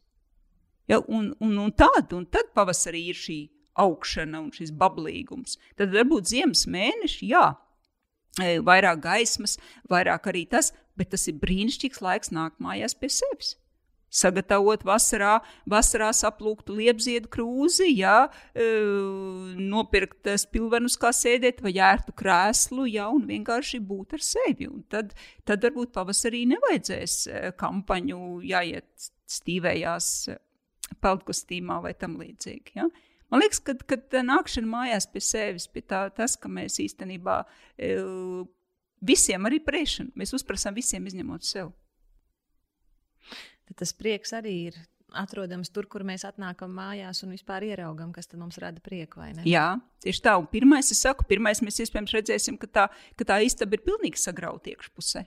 Ka tur tas, tie logi ir bijuši vaļā, visādi vēji ir staigājuši. Un tad ar to sirsnīgo. Precīzi laipna, tā, tā labiņkainis, tā laipnā attieksme pret sevi. Brīnišķīgas divas grāmatas, tūkots arī latviešu. Uh, Kristīna Nefta, tad uh, Mindfulness Based Self-Compassion, tad apzinātībā balstīts laipnības pret sevi, programmas protokola, astoņu pro, no, nedēļu protokola izveidotāji, viņas grāmata ir tūkot latviešu, un viņas kolēģi grāmatu uzvārdu nevar atcerēties, e, arī ir tūkota latviešu. Tātad divas fundamentālākie darbi par laipnību pret sevi ir tūkot latviešu. Tas ir tā, ir pretinda visām, visām lietām. Un tur ir prakses uz praksēm, un tur ir vingrinājumi, un tur ir piemēri. Vienkārši ir, ir brīnišķīgi iespēja jā, veltīt šos ziemas mēnešus. Vienkārši es beidzot gribu iepazīties ar sevi. Viena lieta, tur teica, mums ir, mums ir nu, stress, stress kā, lai būtu nu, sakarīga ēšana, tāda, kas mums ir piemērota, mums ir jāmācās, uh, kā, kā mēs rīkojamies stresa apstākļos, kā palīdzēt sev būt foršāk stresa apstākļos. Stress mums ir tad, kad mums ir pārmaiņas. Un viena tāda nopietna pārmaiņa uh, sievietes dzīvē ir menopauze. Viss, kas ir mhm. saistīts mm -hmm. ar to pirms menopauzi iestājās, tad menopauze. Un kāpēc es par to gribu ar tevi runāt? Jo nu, tā ir salīdzinoši maza daļa sieviešu, nu, noteiksim, visas mūsu auditorijas, bet tāpēc, ka Viņas ir sievas, viņas ir mātes. Katrai sievietei, kurai tas vēl nav aktuāli, tas būs aktuāli mm -hmm. kaut kad. Un katram vīrietim, kurš ir saskarsmē ar sievieti, nepastarpināti arī tas būs aktuāli. Viņš pēkšņi nesaprot, kas ar to cilvēku notiek vispār, un kāds atcaucās uz viņu. Tad kas ir jāņem vērā attiecībā uz spēju sakarīgi ēst. Un to es nedomāju nekādu novērtējumu, bet es ar to domāju veidu, kas ir piemērots tam pašam cilvēkam. Jo man šķiet, ka es redzēju sociālajos mēdījos, mm -hmm. ka tev tieši bija šī mm -hmm. tēma, ka tu biji aktualizējusi. Mm -hmm. Mm -hmm. Jā, šobrīd mēs vienkārši organizējam kopienu sievietes 50, plus, par cik tur tur paldies, ir. Paldies, ka tu to dari. Patiešām, Ines, milzīgs tev paldies, ka tu to dari. Jā, jā attiecībā uz ēšanas lietām es drīzāk runātu par, par to pašu stresu. Mm -hmm. ja?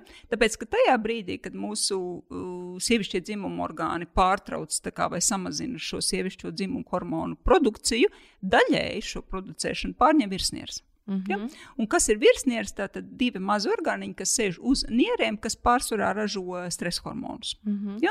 Un, ja mēs dzīves laikā esam teikt, pārslogojuši, vai nopātagojuši, vai nodedzinājuši savas virsnieres, tad tām virsnierēm ir daudz mazāk iespēja pārņemt šo kaut daļējo funkciju arī šo estrogēnu ražošanā. Tad, ja mēs nemene, ne, nesāksim un nepratīsim menedžēt stresu dzīves laikā, mums ir daudz lielāka iespēja, ka menopauze būs grūta. Ja? Tāpēc kā mūsu virsnieris vienkārši jau būs nopātagots. Jau sāksim ar to. Ja? Tā kā skatāmies, kā mēs varam šo savu stresu e, mazināt, izturēties pret to citādāk, vienalga kādas ir tās prakses mūsējās. Ja? Un, un, un attiecībā uz ēšanu, es patiesi nezinu, kā tev, kā tev atbildēt. Jo, e, Viens ir tas, ka jā, mūsu vielmaiņa palēninās, jā, mums tā kā baigi uzņemt mazāku daudzumu kaloriju, bet e, no tās vielmaiņas palēnināšanās, tomēr ir salīdzinoši mazs procents to kilogramu, kas tā kā nāk klāt. Ja? Mm -hmm. ja mēs ar tādām pašām disharmoniskām attiecībām, kuras jau ir iepriekš bijušas ejam iekšā menopauzē, tad īstenībā tas efekts būs, protams, sliktāks, jo vielmaiņa samazinās un tas, tas, tas, tā kilogramu uzkrāšanās arī būs aizvien, aizvien lielāka. Tad, tad tu teici, tās um, nu, problemātiskās situācijas ir, ja man, ir, nu, ja man jau ir grūtības ar jā, ēšanu, jā. tad ejot menopauzē, es to jutīšu vairāk. Jutīs vairāk, mm -hmm. jo mhm. tāpēc, kas tiešām kustībām samazinoties, e, muskuļu masai, muskuļu masai samazinoties, tā, tā kaloriju dedzināšana kaut vai no tāda fizioloģiskā notiek. Jā. Ja? Plusā tā pati menopauze, dažādas, dažādi mēs izjūtam to, citam ir šie karstumviļņi, citam nav, teiksim, ilgāku, mazāku laiku, bet tā tā diskomforta sajūta, stress pieaug, nepavēlt runāt par menopauzes stresu. Mm -hmm. ja? Tā kā to, ko es reāli ieteiktu, virzoties uz menopauzi, ja, ir, um, ir atkal tas, kā es rūpēs par sevi, kā par vienotu veselumu, un skatīties, kā es varu palīdzēt sev justies labi, ja, nenodedzinot savas eh, virsnieres eh, priekšlaicīgi, kā es varu turpināt menedžēt stresu un pārējās lietas. Un tad tā, tā, tā, tā tranzīts būs. Eh, būs komfortablāks mm -hmm. nekā teiksim, mēs, mēs vienkārši vienā dienā attopamies ar, ar tām, tiem pašiem ieradumiem un vienkārši vēl ar vienu plusā vēl, vēl lietu klāti, kas ar kur mums ir jārisina. Ko darīt līdz cilvēkiem, kam blakus ir cilvēki ar ēšanas traucējumiem, vai kas, nu, kas, kas pārdzīvo paši par to savu ēšanu, viņi redz to cilvēku tādu blakus. Nu, tev nenāk tā, ka, piemēram, mammas nāk, un, ziniet, manai meitai tur, piemēram, ir ēšanas traucējumi, un tā palīdziet viņai. Un, un... Un tad tu redz, ka īstenībā tai mammai pāris lietas ir jāsaprot. E, jā, tas ir tas, ka es ar bērniem nestrādāju. Es principā strādāju ar vecākiem, un tieši šī iemesla dēļ, ka patiesībā ne, nekas nenotiks meitai, ja teiksim, tā, tā mammai ir tās disharmoniskās attiecības. Vēl ir tāda ļoti liela lieta, ēšanas, ēšanas traucējumi. Mm -hmm. ja?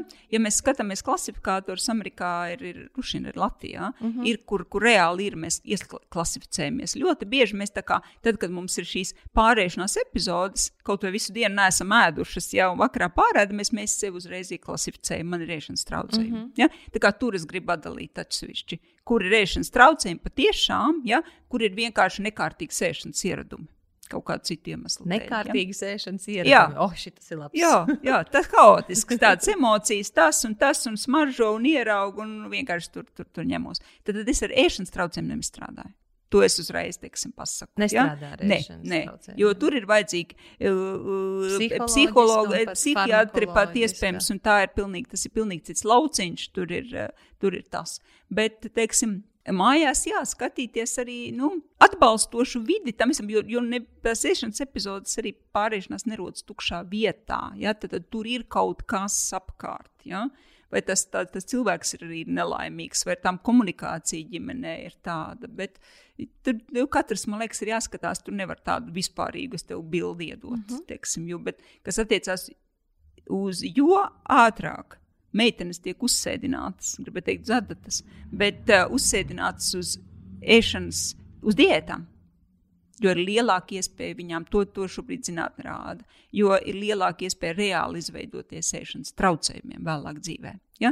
Tā, kā, tā kā būtībā arī tam mamām no tās drīkst, nedrīkst, labs, slikts, tā krampjainā, krampjainuma paiedrusciņu nost un ļaut tam bērnam elpot patiesībā un, un, un, un nepieskatīt tik mežonīgi, ka lai, lai neiznāk tā, ka mājās viņš ēd veselīgi, un tad aiziet pie kaut kur vai nopērk kaut ko, un, un, un tur tas viss ir, kad, kad vienkārši vispār vieglāk uz tām mēšanas lietām skatīties. Tas nav, tā nav mirstama vaina, un vēl kas ir. Vēl kas ir no manas meitas piemēriem, nezinu, vai viņa klausīsies, nerādīšu viņai šo. Kad e, jau vari daudz ko gribēt mājās. Ja? Tu vari viņam e, ēst veselīgi, gatavot un visu. Kas notiks pēc tam, tu vienalga nezini. Tāpēc, ka tajā brīdī, kad viņš, nu, tu vari ielikt labāko, tu vari darīt labāko, ko tu vari.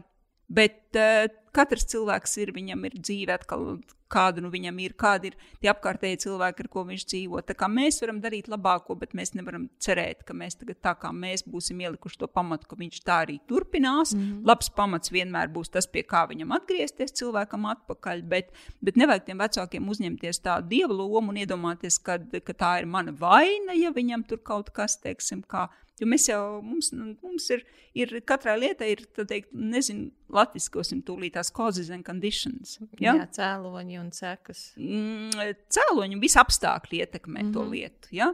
Tā kā tur ir, tur Ā, ir, jā, kom, cē- tur ir un apstākļi, Jā, tieši tā, ka nav, tieši tā nav tas, kad ir kaut kādas individuālas lietas. Tur ir komplekts tam Mhm. mm -hmm. visam. Ja? Tā kā vecāks var, jā, var ielikt labu pamatu, bet, bet kas pēc tam ar to, to bērnu, tad, kad viņš sāk pieaugt, tur to, tie apstākļi mainās un kas viņā pašā. Tā kā, mm -hmm. tā kā jā, daram labāko, bet visu mēs vienalga nevarēsim izdarīt. Paldies! Es ceru, ka mēs vecāki varēsim to paturēt prātā. Tu jau pieminēji, tev ir šis te desmit nedēļu kurs. Mm. Jā, tad, tad cilvēkiem, kas jūt, es gribu, es gribu tās lietas ar savēšanu, beidzot ievest vēl lielākā kārtībā, vai sākt ievest kārtībā, kā tevi atrast un kā, ko tu iesaki pie tevis darīt. Nu, jā, šobrīd tā ir šīs desmit nedēļas, kuras strādāju individuāli, kā jau es minēju. Jā, tad, principā, tā ir tiešsaiste. Tas nav online, tad, tad tas nav ieraksts. Ja mēs tiekamies reizi nedēļā, katrs pie savas ierīces, katrs eh, un strādājam apmēram divas stundas mm -hmm. ar, ar materiālu. Mm -hmm. Un pirms katras eh, nākamā online mēs tiekamies sarunā, telefonu, mm -hmm. kur mēs izrunājam iepriekšējās nedēļas izaicinājumus, atbildus uz jautājumiem. Mm -hmm. tad, tas ir tāds uh, desmit nodarbību kurs. Un kur to var atrast? Var To var atrast tātad mājaslapā, kā neapēst stresu. Kā vai- neapēst stresu bez garumzīmēm? Bez protams, garumzīmē.com, jā, vai arī, vien, mhm. jā, vai arī vadīt Ines Millere, MD, tur arī, nu, vai Ines Millere vienkārši ievadīt, tad jau es nāku. Mēs arī pieliksim pie Gan arī face, sarunas, fe, Facebookā un Instagramā, un, Jā. un tā kā, tā kā Un atrast jau. Facebookā un Instagramā meklēt Inese Millere. Rakst Ines Millere, jā. Viss kopā bez punkta pa vidu. Instagramā ir, ir drpunkts Inese Millere. Drpunkts Jā, Inese jā, Millere. bet, Mhm. nu, gan jau, gan jau atradīs. Es domāju, ka tā, tā nav problēma. YouTube tāpat var atrast, skatīties. Un... Kas tev, uh, ja tu tagad iztēlotos uh, cilvēku, kurš šobrīd nu, ir jau visu, ko pamēģinājis, ko tu tādam cilvēkam teiktu? Kas ir tas, kas būs tas izdosies? Tas ir tas, jo es gribu Ka vēlreiz, viņa vēlreiz- ierauga, ka viņa ierauga, vai viņš, ka viņa ierauga, man jau kaut kas sāk sanākt. ka. Viņam ir tā ticība. Precīzi. Un tad vienkārši turpināt tās lietas darīt. Turpināt atcerēties, ka kad dzīve ir vienīgais, kas nemainās dzīvē, ir tas, ka viss mainās. Ja? Un vienkārši būt klāt savā dzīvē un skatīties, kā es varu spērt soli sev vēlamā virzienā. Un neiedomāties, ka mēs tagad ēšanas lietas sakārtosim un sacirtīsim akmenī, un lietas nekad nemainīsies. Tā ir, man liekas, pati bīstamākā lieta, kad mēs runājam par ieradumiem. Ja, jo, jo mēs nezinām, kā mēs rīt jutīsimies fiziski, emocionāli un citādi. Ja, ar ko apziņotība ir teikt, laba ar to, ka cilvēks iegūst rīku kasti un šos rīkus var izmantot atkarībā no situācijas, kāda tajā brīdī ir. Un tur nav labi vai slikti, man izdevās, neizdevās, bet kā es varu darīt labāko tajā situācijā, lai palīdzētu sev justies labi. Un tad, kad es esmu jau to izdarījis, piefiksēju šo atalgojumu, šo rezultātu, un pēc tā rezultāta es varu saprast, vai tā lieta, ko es darīju, ir vērta turpināt darīt arī uz priekšu, vai arī man jāpamēģina kaut kas cits. Tas ir tas par to, par to elastīgo pieeju situācijai. Nevis, ka es tagad tā un vienmēr tikai šitā, un tad mēs nonākam pie tā, ka man atkal neizdevās. Tad ziņkārība, laipna attieksme pret sevi un, un uh, eksperimentēšana, nepaģērot uz kaut kādu konkrētu rezultātu. Bet, ja mēs gribam teiksim, to konkrēto cepuri vai konkrēto, kāpēc man to vajag, es gribu rūpēties par sevi labākajā veidā. Man šķiet, ka tas ir tas, kas, kas ir tas virzītais spēks. Ines, liels tev paldies par tavu laiku, par tavu enerģiju, par tavu pacietību. Jo nu, nav viegli uz šiem maniem jautājumiem atbildēt, jo es redzu, ka nu, tiešām nu, tu, tu, gribi, tu gribi, lai mēs esam ne tikai veselīgāk ēduši, vai nu, kaut kā, kā mums piemērotāk ēduši, bet ka uh, mēs esam labākās attiecībās ar sevi. Tas ir milzīgs paldies tev par to. Jā, ļoti labi pateicis. Tas tik tiešām ir tas, ka jo vairāk būs cilvēku, kas ir labās attiecībās ar sevi, jo lietas vispār mainīsies. Nu jā. Mm -hmm. Un, ja tu gribi vēl kādu sarunu ar Dr. Ines Milleri, lūdzu, raksti savus jautājumus, lūdzu, raksti savus komentārus, lūdzu, uzraksti, kas tev noderēja, kas tev patika. Vari rakstīt jebkurā vietā, komentāros, Facebook, Instagram, vari rakstīt arī privāti man. Es uz tiem neatbildēšu, bet es katru izlasu un kolekcionēju nākošajai reizei, kad varētu būt saruna. Bet mums ir jāzina, kas ir tās konkrētās lietas. Un lūdzu, mīļo cilvēku, dalies ar šo sarunu tālāk, lai tā sasniedz tos cilvēkus, kuriem tajā brīdī tieši vajag to sarunu. Bet nu, viņi negadās pa ceļam cilvēku jaudai daudzi, vēl ļoti, ļoti daudz cilvēku nezina par cilvēku jaudu. Man šodien bija zvans no uh, man zināmā cilvēka, kas strādā apmācību nozarē, man stāstīja par uh, lielveikalu tīklu darbiniekiem, kur viņiem jautāja nu, par rūpēm par sevi un uh, gribēja ieteikt cilvēku jaudas epizodus. Tas cilvēks saka, nu, parasti visur, kur es jautāju par, vai zini cilvēku jaudu, nu, tur 80% paceļ roku, jā, zinu, tajos, tajā lokā. Bet šajā te, kur ir lielveikala darbinieki, viņi teica, neviens, neviens nepacēla roku. Un nevis tāpēc, nu, bet tāpēc, ka viņiem nav bijusi vēl saskarsme ar šo materiālu, un, un, un tiem cilvēkiem stress un, un, un ēšana nu, ir tās lietas, kas nu, varētu būt foršāk, lai viņiem labāk der tas viņu dzīvē. Tāpēc joprojām šķiet, ah, visi jau zina. Nu, nav tā, ka visi zina. Tāpēc katrs, kurš mēs dalāmies ar, ar, ar, ar šo epizodi, jeb ar jebkuru citu epizodi tālāk, mēs varam palīdzēt cilvēkiem, kuriem citādi nav saskarsmes punkti ar šīm zināšanām un arī ar doktoru Milleru. Paldies! Paldies! Paldies